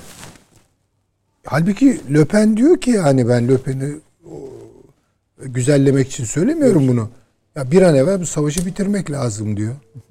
Yani barışçı olan faşist. Öyle. Savaşı devam ettirmek isteyenler demokrat. Nasıl bir tablodur bu Allah aşkına? Ya uygarlık ayarlarını kaybediyor. Yani lütfen buna bir bakalım ya. Yani Peki hocam. Uygarlık ayarlarını siz bir el atacak mısınız paşam? Sahada durum nedir? Sahada durumdan önce Buyurun. yani hocamın e, söylediklerine ilaveten e, Buyurun, buyurun. Batı ülkeleri e, akla gelmeyecek e, hamlelerle e, Rusya'nın daha savaşı şiddetlendirmesine neden oluyor. Şimdi Amerika'da e, şey Londra'da e, Amerika'da pardon New York'taki Rus Başkonsolosluğu'nun banka hesaplarına el konulmuş. Yani günlük personelin maaşlarının ödeneceği vesaire gibi olan Bildiğiniz hesaplar. hırsızlık yani. He, evet. E, gasp, gasp. ya gasp yani evet. Ee, ikincisi e, Rusya'nın e, şeyde olan e, Avrupa Birliği birkaç ülkesinde olan e, toplam petrol satarak elde ettiği 300-350 milyar dolar paraya el konulmasını yani Avrupa ülkelerine doğalgaz satıyor ya o paralara el konarak Ukrayna'ya satılacak silahların mali kaynağının karşılanması taleplerinde bulunuyorlar. Yani iş e, artık rayından e, çıkmış ve Putin'i adeta nükleer silah, adeta evet, evet. bu Satan 2 veya Sarmat'ı kullanması için her türlü teşvik mekanizmasını e, gündeme getiriyorlar. E, işte en son e, sahadaki olaya baktığımızda esasında e, tabii bir önce cepheyi genişlettiğini söylemiştik. E, ancak e, Rusya'da yazan bazı makalelere baktığımızda da bu cepheyi genişletmesinin de e, bir taktik hata olarak değil de Ukrayna'yı geniş cepheyle harekata mevcut ederek daha sonra ikinci aşamada yeni kuvvetlerle odaklanma şeklinde esasında farklı bir strateji uyguladığı ancak bunu uygularken hata yaptığını söylüyorlar. Yani aslında e, geniş cepheyle e, taarruz ederek bilinçsiz bir şekilde bir hata yaptığını değil, e, harekatın bilinçli bir şekilde başlandığını ancak daha sonraki e, bu aradaki süreçte harekatta planlananın ötesinde Ukrayna direnişinin daha farklı boyuta ermesiyle, ulaşmasıyla e, bu e, evreye geçildiğini söylüyor. Yani birinci ve ikinci aşama aslında zorlama var ama birbirinin devamı şeklinde ifade ediyorlar. Hatta bu da Orta Asya'dan gelen Rusların öteden beri uyguladıkları bir savaş taktiği olarak ki ismini şu an hatırlamıyorum. O şekilde ifade ediyorlar. Bu tabi Rusya'nın içinde Rusya'nın e, zafiyetini e, güçlendirmek maksatlı söylenmiş ifadeler olabilir. E, şu anda e, birkaç gündür Odessa e, sürekli olarak hedefte zaten. E, Odessa'ya balistik füze veya seyir füzesi satıyorlar. Özellikle denizaltılardan seyir füzesi sayısında ciddi bir artış var. Seyir füzeleri biliyorsunuz deniz yüzeyinden gittiği için radara yakalanmıyor. Ve Odessa'da silah depolarının vurulduğunu, özellikle Batı'nın gönderdiği silah depolarının vurulduğu söyleniyor. Yani hedef artık açık ve net. Odessa. Daha ilk baştan beri de ben Odessa Kiev attı diye belirtmiştim. Odessa'ya doğrudan doğru bir harekat yapılabilir mi? Zor. E, çünkü amfibi harekat gibi bir kuvvet ancak onun yerine e, denizden bombalandırma e, bomba atılmak suretiyle e, Kırım üzerinden e, buraya doğru kuşatıcı bir taarruzla Transdniester'le e, birleşecek şekilde Odessa zaten e, kuzeyden kuşatıldığı anda şu an Mariupol'dan bir farkı kalmaz. Denizlerde e, Rus donanması kuşatarak dolayısıyla e, Odessa kendiliğinden teslim olana kadar e, beklediler. Yani Kiev'deki aynı hatayı Odessa'da yapmaz. Odessa'nın özelliği de farklı. E, tabii tam bu aşamada e, Transdniester'deki bu iki evet. günlük patlama olayı e, ve Moldova e, Dışişleri Bakanlığı'nın e, buradaki büyükelçisini çağırarak e, onu uyarması vesaire gibi şeyler bu, bu konularda e, bu saldırıyı yapanların... Rusların da biz girerken yayın açıklama oldu. Bu konuya fazla kimse karışmasın dedi. Evet. Yani dışarıdan fazla müdahale olmasın dedi. Evet. Şimdi e, ilave kuvvet istiyor şey zaten. Transdniester ilave Rus kuvvetlerinin güçlendirilmesi. Bu elim yapanların da hemen e, Transdniester ile şey sınır Ukrayna sınırındaki Triaspol diye bir yere kaçtıkları belgelendiğini ifade ediyorlar. Bunu iki şekilde söylüyorlar. Yani bu neden bu aşamada çıktı? E, bunlardan biri e, Amerika'nın kontrolünde Ukrayna'nın batta kalan birlikleri, Amerikan destekli Romanya ve e, şeyin e, e, Ukrayna, Romanya ve Moldova'nın Transnistr'e bir harekat icra edecekleri. Hı. Ve bu harekatla sınırlı bir harekatla Rusya'nın dikkatinin bu bölge üzerine yoğunlaşarak diğer bölgelerde Odessa üzerindeki baskının hafifletilmesi gibi bir senaryo e, oluşabileceği veya Transnistr'e hareket ederek e, yine Rusya'nın dikkatinin bu bölgeye yoğunlaşması. Yani burada bu hareketlenmenin sıradan bir hareketlenme olmadığını ve bunun sonucunda bu bölgeye işte Ruslar e, onun için bu açıklamayı he, yapmışlar. Rusya e, bu şunu yol açacaktır. Rusya'nın Odessa'yı veya Odessa'yı kuzeyden kuşatmasını hızlandıracaktır bu süreç. Yani Rusya Karadeniz kıyısını tam anlamıyla kapatacaktır. E, bunu adeta istiyorlar bunlar. E, dediğim gibi Batı ülkeleri bütün bu hamleleriyle ve Karadeniz kıyısını kapattığı anda bugüne kadar Rusya esasında Türkiye ile de bir yerde işbirliği şeklinde NATO'yu Karadeniz'e sokmamakta başarılı olmuştur. Ama Türkiye'nin Montre konusundaki bu konudaki tutumu son derece önemlidir ve Rusya'nın NATO ile Karadeniz'de karşılıklı gelmemesinde de önemli rol oynadığını düşünüyorum. Dolayısıyla Rusya'nın bu açıdan e, eli rahatlamış durumda. Yani ayrıca güney sınırlarına ve güney kanadına bakmıyor. E, çünkü e, diyor ki Türkiye Montre'yi uyguluyor ve boğazları tutuyor. E, ve hatta Türkiye'nin hava sahasını kapatması konusundaki e, ilişkide Sayın Cumhurbaşkanı Putin'le görüşmesinin altında da bence Montreux niyetinin yattığını düşünüyorum. Yani çünkü e, iki tane üç tane daha geminin geçirilmesini talep etmişti. Türkiye hayır deyince hı hı. E, Rusya tamam sesini çıkartmadı. Ancak Türkiye'nin bu hava sahasının kapatılması konusunda yaptığı e, yaptığı girişime karşı Rus medyasında çok olumsuz yazılar yazıldı.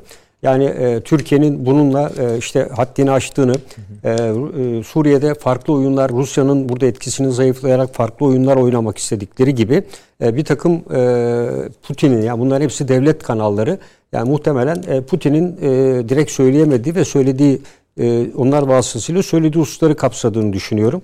E, burada tabii Almanya'nın e, İkinci Dünya Savaşı'ndan e, sonra e, ta Doğu Almanya'dan kalan e, tipi e, yine tanklı hava savunma sistemleri var. Gerard denilen. Onları tekrar e, bakım yapılarak tekrar verme teklifi var.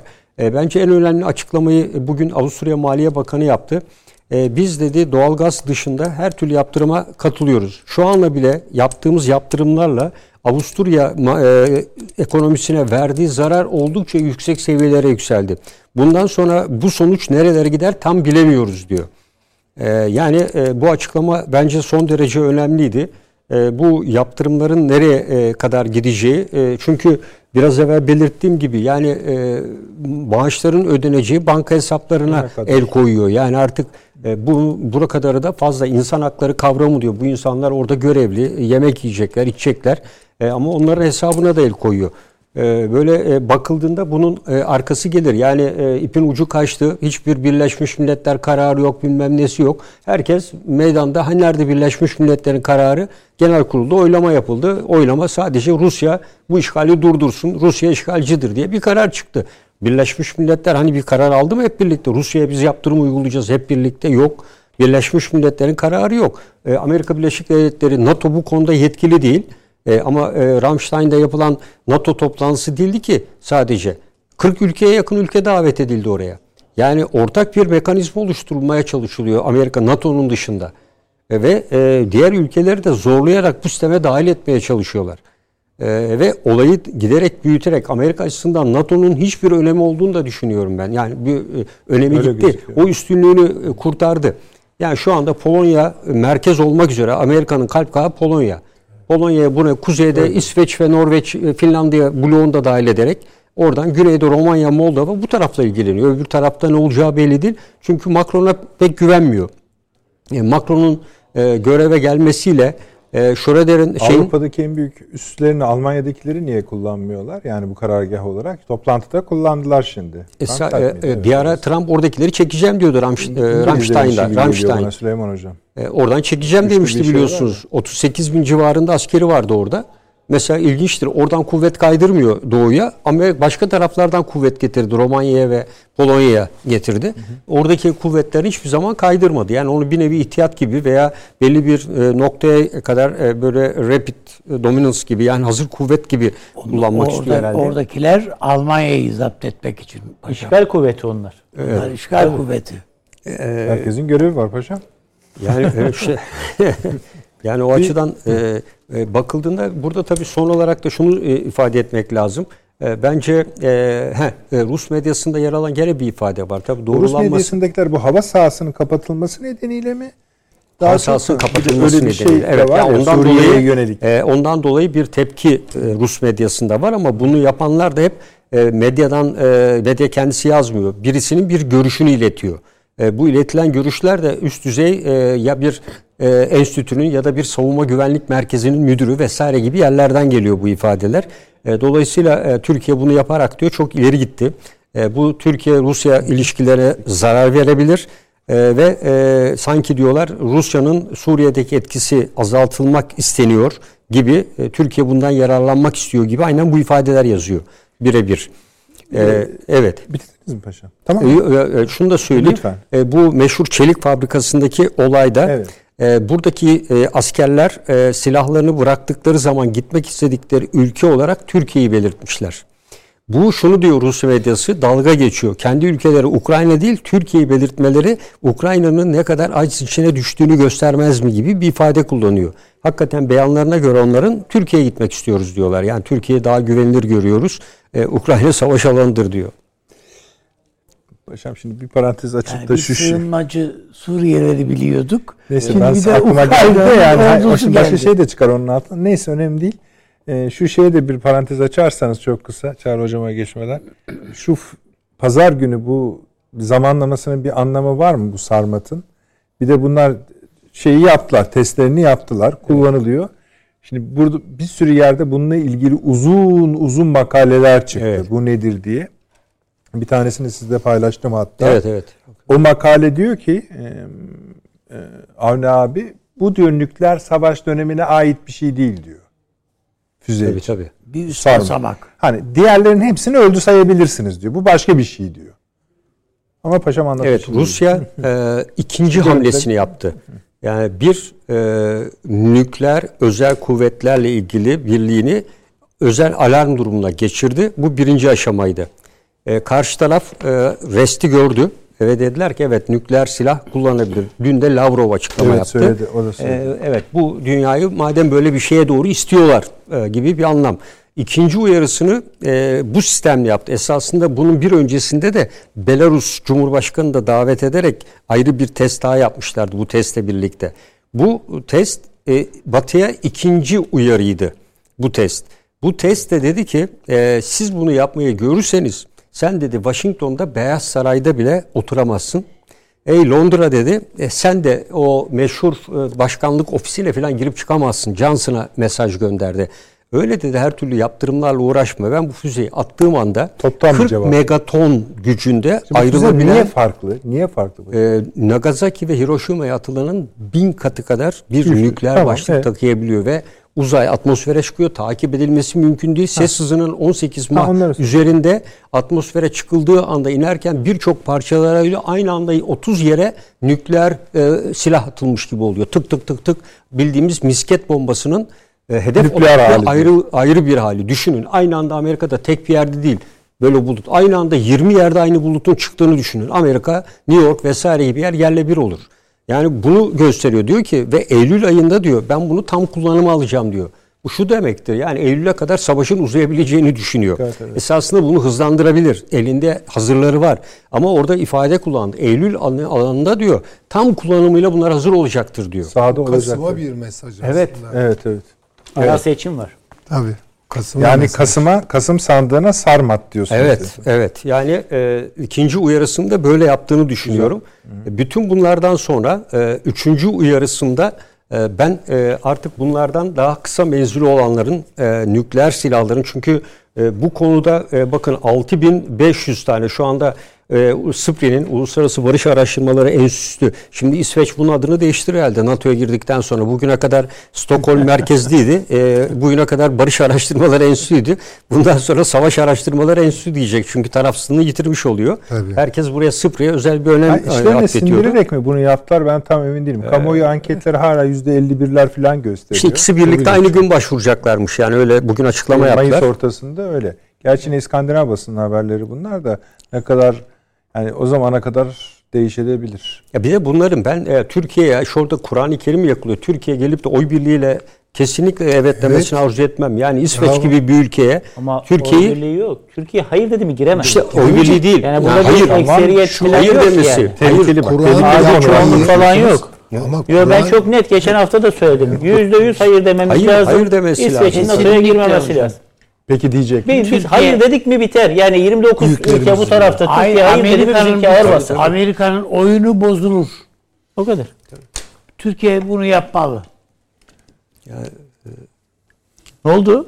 Yok yani bu Her önüne gelen niye katılsın? Biraz ayrıcalığımız olsun burada ya. Hayır canım ne münasebet. Ya bize Zaten alıyorlar bunlar da. Hayır, zaten Hani hocam, ya kesinlikle hayır almamak Kesinlikle hayır der. Öncelikle- deyip işin içinden Ya çıkıyorsun. bize İsveç öyle almamak için 50 takla atmıyorlar mı? İskandinavlar diyor üstelik yani, değiştirmiyorlar. Hocam bana bıraksanız NATO'yu ayrı konuşurum ben de. O yani işte oraya geldiği zaman ya eğer hakikaten bunlar başvuracaklar ve bütün NATO üyeleri bir masanın etrafına toplanıp bir de bu reddedilirse NATO'yu kim geri toplayacak? Bence o iş oraya gelmeden halledilir. Macron yeniden seçildi ya 5 yılı var. Peki toplasın. hayırlı olsun. Buyurunuz paşam. Yani ben e, bu hamlenin sonunda e, Macron'un e, buradan aldığı en az 5 yıl daha görevde. Dolayısıyla bu e, NATO'nun bu 40 ülkeyle yaptığı toplantı bence NATO ülkeleri arasında güvensizliği arttırdığını düşünüyorum.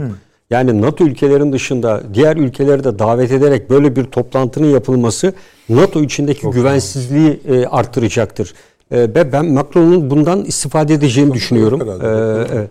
Ve e, bunu yaparak e, Avrupa'nın e, şu anda Scholz'un da kararsız tutumları Alman medyasında da aynı şey devam ediyor. Bugün Alman Dışişleri Bakanı gidiyor yaptırımlar artsın filan diye sağda solda farklı şeyler söylüyor. Schroeder çıkıyor bizim diyor Almanya'nın diyor bu gerçekçi olmaları lazım. E, biliyorsunuz Gazprom'un zaten yönetim Evet, kurulu üyesi ama onun dışında diyor Alman ekonomisinin yönetilmesi için Rusya'nın doğalgazın dışında nadir elementlerine de ihtiyacımız var bizim diyor. Bunu yapmadığınız takdirde Almanya'nın dünyadaki ekonomik üstünlüğü ve e, elde ettiği gelirlerin diyor sonuna getirirsiniz diyor. O yüzden yapacağınız yaptırımlarda falan dikkatli olmalısınız diye bugün uyarıda bulundu adam. E, tamam yani Rusya ile ilişkisi var ama sonuçta bir e, siyasetçi o da e, böyle uyarı. Almanya'da e, giderek ikiye bölünüyor bu konuda. E, diğer ilginç bir şey e, Bulgarlarda çıktı. Bulgarlar Evet. biliyorsunuz Zelenski'ye heyet gönderdiler. E, Bulgar senatosu şeyi meclis ikiye ayrıldı. Sağcılar e, bize eğer e, şeye göndermezseniz silah gönderilmezse biz koalisyondan ayrılacağız diyor. Solcular gönderirseniz ayrılacağız diyor. Şimdi solcuları ikna etmek için bir heyet kurdular. Zelenski'nin yanına gönderdiler. Size silah verelim mi vermeyelim mi diye. Ülkeler bu hale düştü. Yani burnumuzun dibinde bu sahneler oynanıyor şu anda. Peki bu arada şey tabii e, toplantıdan sonra şey konuşmuş e, ABD Savunma Bakanı. Bir kere bunu diyor her ay yapacağız diyor. İşte yani diyorum ya NATO bitti. Yani e, Yani 40 tane savunma bakanını mı toplayacaklar anlamadım. Gelin yani. diyor ya adamla adam Yani, yani iyice garip bir şey oldu kırbaç kullanmadığına İsmi- şükredeceksin ismi- isminden ya. bu- Bunlar buna böyle. isim de koymuşlar. yeni kölelik. Evet. Yani. Ukrayna'nın dostları grubu? Evet. İran dostları Çok, çok, çok anti batıcı Suriye'nin. konuşmalar yapıyorsunuz. Suriye. Ukrayna'ya yönelik savunma ve güvenlik istişare grup toplantısı. Siz çok sever. İst- İstişare iyi. Öbürünü Evet. sö- tam söyleyemiyor herkes çünkü. İstikşafi demek. Evet, İstikşafi. diyorsunuz, evet tamam. Ee, bir takım silah isimleri falan geçiyor. Onları verecek. Tarihi bir buluşma demiş. Aslında bu ülkeler de açıklama yapsalar iyi olmaz mı canım? Ya ne söylesin adam Yapmış ya? işte bizimki de 30'a yakın ülkenin katıldığı toplantıya fotoğraf atmışlar. Bakın burada var. Evet. Instagram'da 30'a yakın ülkenin katıldığı toplantıya bakanımız katılmıştır diye bak burada yazıyor. bütün ülkeleri de katılmamış. 30'a yakın ülkenin savunma bakanı yer aldı. Ukrayna'ya yönelik savunma ve güvenlik istişare grup toplantısına katılmak üzere gitti diye güzel 20 paylaşmış. NATO ülkelerinden 20'si katılmış. Hepsi katılmamış mesela. Demek ki Yani 30'a tabii. yakın diyoruz. Onlar 40 diyor. Evet. Bence 40 bizim daveti doğru. yok davet Bizimki edilen 40. doğrudur. Yok davet edilen 40. 20'si NATO olmak üzere 32 mi o civarda falan katılım var. Hepsi katılmamış yani. Buyurun Çağrı. Şimdi Tam nereden tutacaksınız ben de bilmiyorum ama Yok buyurun hayır, yani. bu şeyden başlayalım isterseniz yani Ukrayna meselesinden Tabii, tabii. tabii. Ee, hep bu yeni bir soğuk savaş dönemi var mı yok mu ben farklı bir şey dedim. O çünkü tarihin başka bir dönemi. Orada ideolojik bir ayrışma vardır. Soğuk savaş ancak bazı benzerlikler üzerinden belki e, telaffuz edilebilir. İşte o benzerliklerden bir tanesi de bu nükleer silah meselesi. Şu anda yaşananlar sanki 1945 1955 56 o dönemde yaşananların bir hızlandırılmış hali.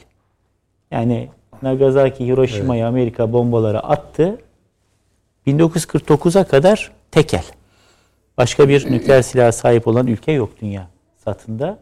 49'da o Yahudi karı koca biliyorsunuz Rosenberg. Rosenbergler Rosenbergler. bunlar inkar ettiler mahkemede ama elektrik sandalyede de idama mahkum edildiler ihanetten.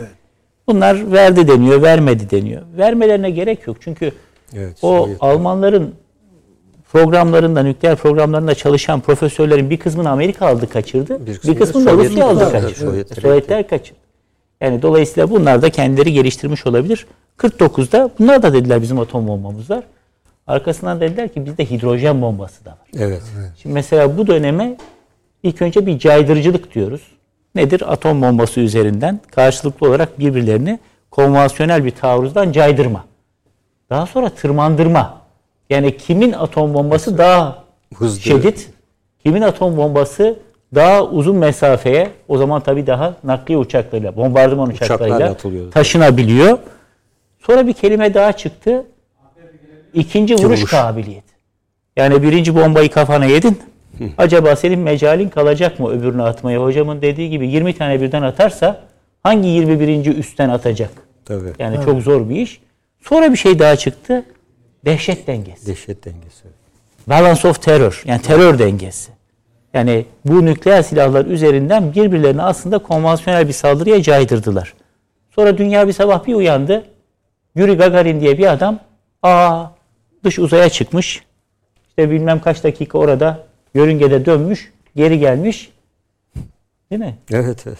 Bu sefer acaba o roketin ucuna bir nükleer başlık takılarak gönderilebilir mi? mi?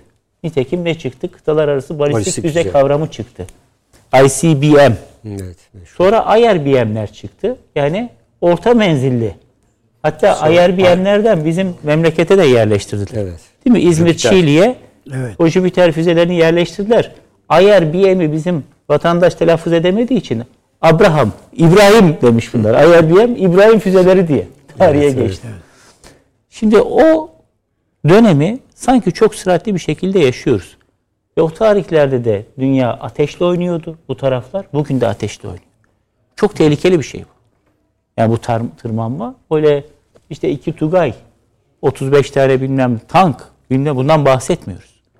Yani her biri 100 Nagasaki, Hiroşima Evet. şiddetinde işte 20'si bir araya gelince 20 2000 kat daha büyük bir, bir silahtan bahsediyoruz. Herhalde bu eski formül işlerse karşı tarafı daha büyük bir konvansiyonel adım atmaktan caydırmaya matuf Evet. bir operasyon diye değerlendirilebilir. Yani önlenemiyor. Yani anti misillerle ön- önlenemiyor. Süreti nedeniyle. Bakın çok güzel bir şey hatırlattınız. 1972 yılında SALT anlaşması imzalandı. Yani Strategic Arms Limitation Talks'tu bu. Stratejik silahların e, sınırlandırılması görüşmeleriydi. O görüşmeler neticesinde 72'de bunun anlaşması imzalandı. SALT 1 diye geçer. O anlaşmada Sovyetler Birliği ile ve ABD karşılıklı olarak neyi yasakladı biliyor musunuz? O ICBM'leri yasaklamadı. Bunları avlayan interceptör dediğimiz 2002'de Amerika Birleşik Devletleri'nin Evet, evet. iptal ettiği anlaşma bu. Antibalistik misal ABM füzelerini yasakladı. Neden? Şimdi her iki taraf o avcı silahlara sahip oldukça karşı tarafın nükleer tehdidinden daha az korkuyor. Halbuki kalkanları kaldırırsanız Tabii daha Herkes göğsü açık. Şimdi korkarsın karşıdan. O da senden korkar. O yüzden SALT 2'ye bıraktılar. Uzun menzilli füzelerin azaltılmasını. SALT 1'de ilk önce antibalistik füzeler ortadan Savunmayı kaldırdı. kaldırdı. Savunmayı kaldırdı. SALT 2 hoş. 79'da Afganistan'ı işgal edince Sovyetler Birliği Amerikan Senatosu reddetti onu imzalamayı. Carter imzalamıştı. A Şey onaylamayı reddetti. Daha sonra 87'de işte IRF anlaşması falan filan daha sonra Carter. Akka. Fakat bugün geldiğimiz nokta gerçekten bir ateşle oynama durumu. Biz süratle nükleer silahların unuttuğumuz aslında. Nükleer silahların tekrar hayatımızın gerçeği olduğu Var olduğu, bir döneme doğru bir döneme doğru gidiyoruz. Bu beraberinde çok ilginç bir takım askeri stratejilerde değişiklikleri getirebilir. NATO komuta kontrol yapısında yeni Haziran'da göreceğiz onu da galiba. Öyle mi? Tabii, Haziran'da mıydı Haziran. toplantı? Evet. Şimdi bakın açık ve net konuşayım. Üç tane NATO ülkesinin nükleer silahı var. Amerika Birleşik Devletleri, İngiltere ve Fransa. Fransa 1966'da zaten o yüzden de NATO'dan ayrılmıştır. Charles de Gaulle'ün tercihiyle NATO'nun nükleer planlama grubuna girmedi. Amerika ile de kavga ettiler. Dedi ki ben bu nükleer silah dedi milli bir silahtır dedi. Ben Amerika'ya göre hareket etmem. Kendi kafama göre hareket ederim. İstersem kullanırım. Tabii. Öyle mi? Bir kavga dövüş. Adam ben ayrılıyorum o zaman askeri kanattan dedi. Bizim sayemizde 2008'de geri döndü biliyorsunuz. Yani biz rey verdiğimiz için Ve geri döndü. evet. Evet dediğimiz için geri döndü. Bu arada İsveç'i kontrol ettim. Ermeni soykırımını tanıyan da bir ülke. Tabii öyle. Yani bir, bir hatırlayalım yani. Dolayısıyla orada hayır dememizin çeşitli gerekçeleri olabilir. Hocam işte iyilik yap bunu buluyorsun. Bu demirbaş çağrılar filan yani bunlar Adamı demirbaşa kaydetmişiz değil mi? Yani, Kimsenin hatırladığı evet. yok. Şimdi bu nükleer silahlar konusu bu kadar gündeme gelirse istediği kadar Amerika liderlik edip bu ülkeleri bir araya getirmeye kalksın. NATO ülkelerinden bazıları ya arkadaş bir dakika. Şimdi ben bir saldırıya uğradığımda acaba sen beni koruyacak mısın? E ben de acaba kendi silahlarıma mı sahip olayım? diye düşünmeye başlayabilir. Ve bunun artık önü alınamayabilir. Çünkü biz o 60'lı, 50'li ve 60'lı yıllardaki kadar güçlü bir Amerikan liderliği yok şu anda dünyada. Bu böyle bir yola e, yola açabilir, gidişata yol açabilir ve bu beraberinde nükleer silahların önü alınamaz bir şekilde Yayılır. yayılmasına. Çünkü artık bu teknoloji neredeyse internette formülü olan teknoloji. Tabii, tabii. Yani eskisi gibi öyle çok Rosenberg'ler kaçırsın Evet, formülü de evet. yapayım değil. Yani herhangi bir üniversitede oturup yapabilirsiniz bunu yani. Dolayısıyla bu çok ciddi bir soruna doğru evriliyor. İran'ın biz zenginleştirmiş uranyumunu vesaireyi konuşurken acaba Pakistan'la Hindistan birbirleriyle nükleer savaşa girerler mi diye konuşurken İsrail'in nükleer belirsizlik politikasını konuşurken Kuzey Kore'nin deliliklerini konuşurken birdenbire Hala da devam ediyor. NATO ülkelerinden bazılarının da bu işin peşine düşmesi gibi bir durumla Hocam karşı şimdi karşıya mesela kalabiliriz. Türkiye'nin bu noktada nükleer silah peşine düşmemesi diye bir şey olabilir mi? Şimdi sizin etrafınızda herkes Evet. kitle imha silahları, nükleer silahlara sahip olur ise Rusya kalkar böyle bir silah geliştirdiğini söylerse Evet. Amerika Birleşik Devletleri diğer NATO üyeleri size yeterince garanti veremez ise e kimin aklına gelmez bu? Evet. Dolayısıyla burada bundan bahsediyorum. Sadece Türkiye'nin değil başka ülkelerin de aklına Tabii canım öyle. Hepsinin. Sonuçta Ukrayna hadisesi şunu gösterdi. Yani her koyun kendi bacağından asılıyor. Hele söz konusu olan Türkiye ile ise bize bir saldırı vuku bulduğunda e 40 senedir zaten saldırı altındayız ya. Yani PKK bir saldırı değil mi? Bunu destekleyenler zaten bizim müttefiklerimiz. Şimdi bir şey söylüyorlar, soruyor hocam bu e, Ukrayna Devlet Başkanı. Niye bu Birleşmiş Milletler Genel Sekreteri önce Ankara'ya gitti, ondan sonra Moskova'ya gitti. Niye önce bize gelmedi de filan diye. Adam eşofmanlarını giydi bekliyordu halbuki. Peki onu cevaplamayalım şimdi. Bu arada oradan bir dostumuz mesaj atmış. Şi- Toplantıda Almanya'yı çok hırpaladılar diyor. Savunma Bakanları toplantısında. Niye gönderdikleri miğferler şey mi çıkmış, çürük mü çıkmış? Alman çeliği kullanmamışlar. Doğal Reklamlardan sonra bunları da konuşalım. İkinci reklamımıza gidelim efendim. Kısa hemen geliyoruz, devam edeceğiz. Devam ediyoruz efendim akıl odasına. Avni abi siz kaldınız Ukrayna. Ama Evet. siz zaten maşallah şeyden e, Finlandiya ile İsveç'i zaten şeyin kapının önüne koydunuz. Tabii de, derhal. Öyle Yani oluyor mu iş? daha kötü de yaparım ama işte elimizde bu kadarı geliyor. Finlandiya Yani konusunda bence ben hayır demekten başka Yani Türkiye'nin bir elinde bir yok. şey yok. çekimserim. Ama bu Ukrayna devlet başkanı işte böyle protokol işleriyle uğraşıyor. Niye önce bana gelmedin de Moskova'ya gittin de oradan. Gayet açık esasında. Adam çok akıllıca bir şey. Yani önce bir kere Tayyip Erdoğan'a geliyoruz ve yani Tayyip Erdoğan şu anda dünyadaki en deneyim sahibi devlet adamlarından bir tanesi. Birkaç kişi varsa onlardan biri bu. Dolayısıyla geliyor ve ya bu nedir diyor yani. Ne? Yani olacak bir şey var mı burada sence? Tayyip Erdoğan herhalde tanıdığı Zelenski'yi anlatmıştır. Nasıl bir adam. Tanıdığı Putin'i de anlatmıştır. Yani neyin olup neyin olmayacağı konusunda en doğru fikirlerle adam gitti Moskova'ya.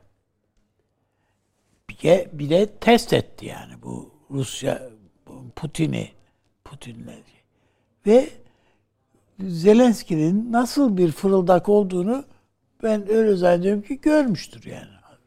Hiç şeysiz, şüphesiz yani. Bugün barış istiyor. Yarın e, Rus yani bir e, haber ajansı muhabiri gibi Rusya'nın şu, şu kadar kaybı var. Bilmem şunun şu kadar kaybı var. Şu oldu, bu oldu filan ne. Sana ne ya Rusya'nın ne yaptığına sen Ukrayna devlet başkanısın. Yani kendi ülken mahvoluyor ve dakika geçtikçe Ukrayna kaybediyor, kan kaybediyor yani.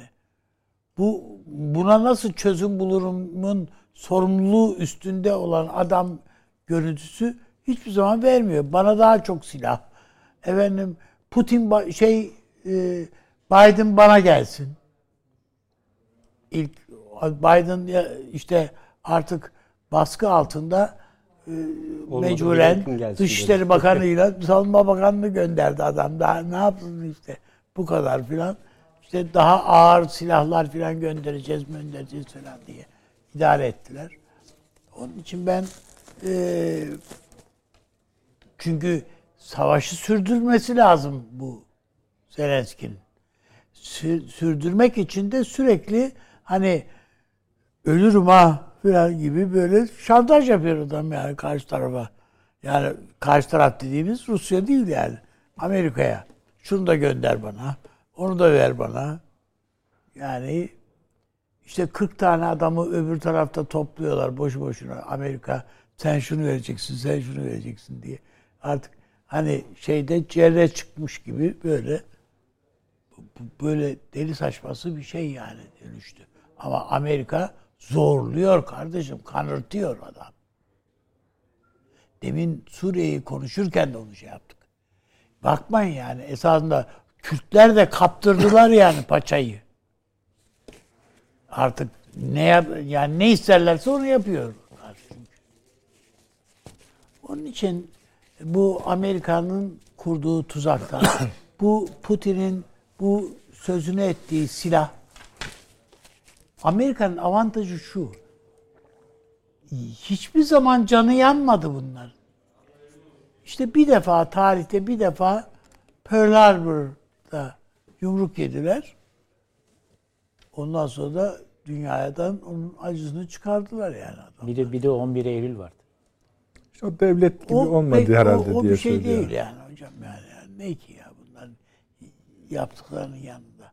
Ama adam kendi toprağında yenilmedi yani bir şeyler yapmadı. Eğer burada canının çok kötü yanacağına dair bir tehdit bu Putin'in o sözünü ettiği silah filan gibi. Bu ortaya gelirse ne yapar onu bilemem.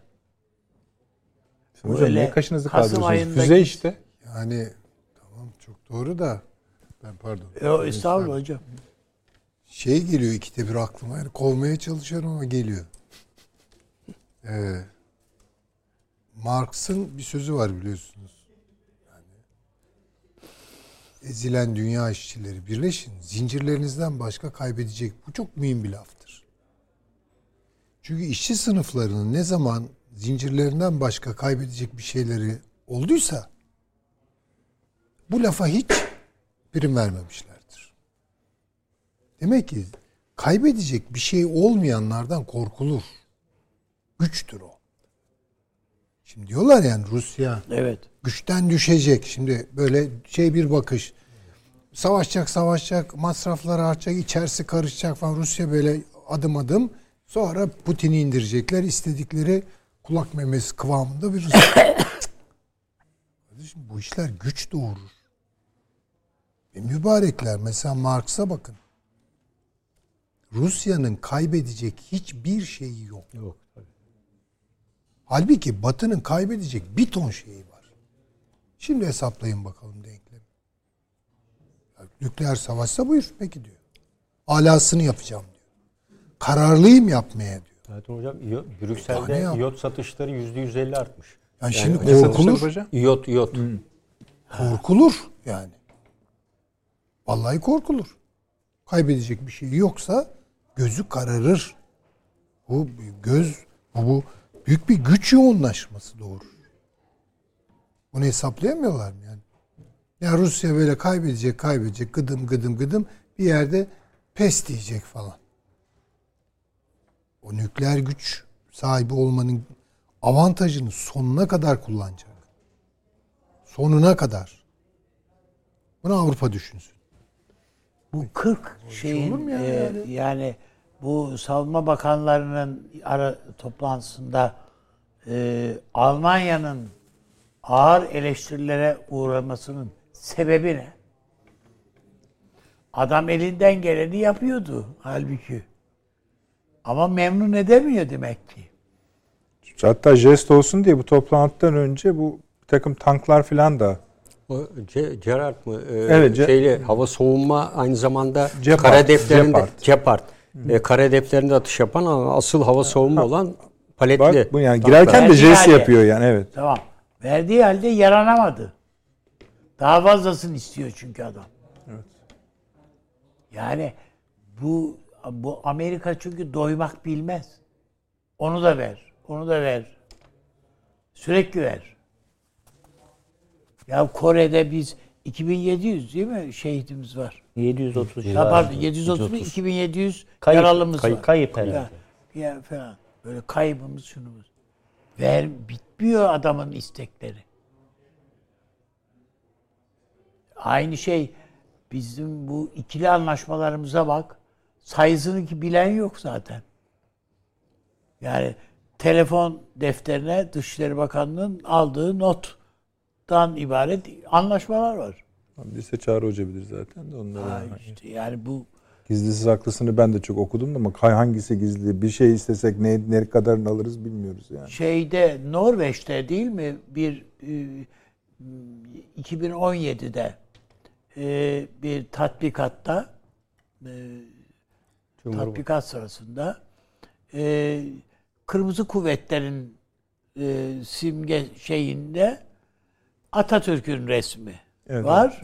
Evet, Yanında efendim kuvvet komutanları komutanı diye de e, şey Tayyip Erdoğan'ın resmi var. Bizim subaylar filan protesto ediyorlar. Diyorlar. Değil mi? ya yanlışlıkla filan hatta o subayı mı ne cezalandırmışlar. Proje subayı filan. yanlışlıkla internetten indirmiş filan Evet, desene. evet. Saçma sapan bir açıklama getirdi. Değil mi yani öyle bir şey? Ya bu nasıl bir zihniyet? Nasıl bir anlayış yani? Niye Sri Lankalı bilmem kim değil mi koymuyorsun da seçip seçip bunu bunları seçiyorsun? Yani baktığın vakit onun için ben Türkiye'nin Amerika'ya karşı bütün cephelerde yani NATO içinde, NATO dışında, Suriye'de, başka ortamlarda, Avrupa'da her yerde Türkiye'nin gardını alması gerektiğini. Amerika bir şey istiyorsa mutlaka onun altında bir hinlik, Türk bir tuzak, bir daha kötü kelimeler kullanmak istemiyorum. Yani bir şey vardır diyerek bakma. Ya Amerikan Dışişleri Bakanı mı geliyor? Acaba ne bela gel- geliyor diye. Yani bakmak. Bir hani bir de yani Merkel, de geldi buraya kardeşim. Yani başımıza ne gelecek diye bakmadık kadına. Yani ama Amerika öyle değil. Daima sıkıntı getiriyor o. Ve göreceksiniz günün birinde önümüze diyecekler ki bu PYD'nin devletleşmesine ses çıkarmayın. Bunu istiyoruz diyecekler. Eğer biz şimdi bu az önce yani program içinde konuştuğumuz Suriye siyasetini alt, alt üst edip de bunun bütün oyununu bozmazsak önümüze getirecekleri bu. Peki. Avni Bey'in dönüşünü daha anti-Amerikancı mı buldunuz Süleyman Hocam? Evet öyle görüyorum ben yani. Her şeyde Her zaman bir, öyleydi de her şeyde bir hayır vardır. Doz arttırımı var yani. Hani peki. Hocam bir şey mi ekleyecek? Fransa seçimlerine girecek miyiz? Vakit Yani kaldı mı? giremeyeceğiz ama isterseniz size özel böyle bir iki dakika bir şey tanısam. Tamam bir dakika çünkü mühim bir hadise. Sadece bir hemen bir şey yapmışlar. Anketler üzerinden çalışma yapmışlar. Şunu ortaya çıkarmışlar. Evet Macron kazandı. 58'e 42. Bu da 42'nin Löpen'in etrafında toplanması önemli. Fakat Macron'a rey verenlerin e, orta ve üst orta sınıf yönetici, profesyoneller oranı, bunlar arasındaki oranı %80'lere yaklaşıyor. Ve e, Le Pen'e oy veren alt ve işçi sınıfı. Bunların oyları da %70'e falan yaklaşıyor.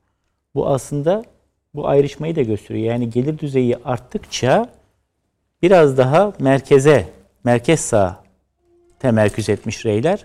Düştükçe de aşırı. Bu tarihte de çok örnekleri var. Bir hususta aslında Süleyman Hocam bahsetti ondan. Evet Macron kazandı ama tıpkı o meşhur bir laf vardır. Mağlup Yunan Roma'yı fethetti diye. Yani Roma gidiyor Yunan'ı fethediyor ama Roma'nın bütün tanrıları da Yunan'dan geliyor. Kendi o kültlerini, Kibele kültü, bilmem ne kültü, Janus kültü gidiyor. Yerine işte Zeus geliyor, burada Jüpiter oluyor. Değil mi? Oradan şey geliyor, burada Mars oluyor filan. Dolayısıyla burada da bir bakıyorsunuz sadece Fransa'da değil. Almanya'da da böyle oldu, Hollanda'da da böyle oldu. Her seçimden sonra faşist, popülist, aşırı sağ söylemleri merkez sağın normali haline, hatta merkez solun normali Tabii, haline çok geliyor. doğru, bu çok bir önemli. sonraki bir sonraki seçim artık o çıtadan başlıyor. Yani tamam bu kaybetti ama bunun malı burada. Söylemleri artıyor. burada. Ya Melanchon'a oy verenler verdi. Melanchon'a oy verenler Oradan kaymış işte verdi. oraya da kaymış. İşte onun için çok doğru İşte bir Melanchon- tespit. Bu yani bunların ortak paydası ne? Müslüman düşmanlığı, Türk düşmanlığı, yabancı düşmanlığı değil mi? Ortak paydaları bu yani. Ha başka Rusya Savaşı ile ilgili başka bir görüş olabilir ama kökü ne bunların? Kökü Fransa'da biz Fransız olmayan kimseye birinci sınıf vatandaşlık hakkı vermek istemiyoruz diyor. Hatta çekip gitsinler diyor yani. Aşırı sol da buna rey veriyor ama daha da vahimi merkez sağ ve merkez sol da bu tür görüşleri bir sonraki seçim kampanyasının normaliymiş gibi benimsiyor.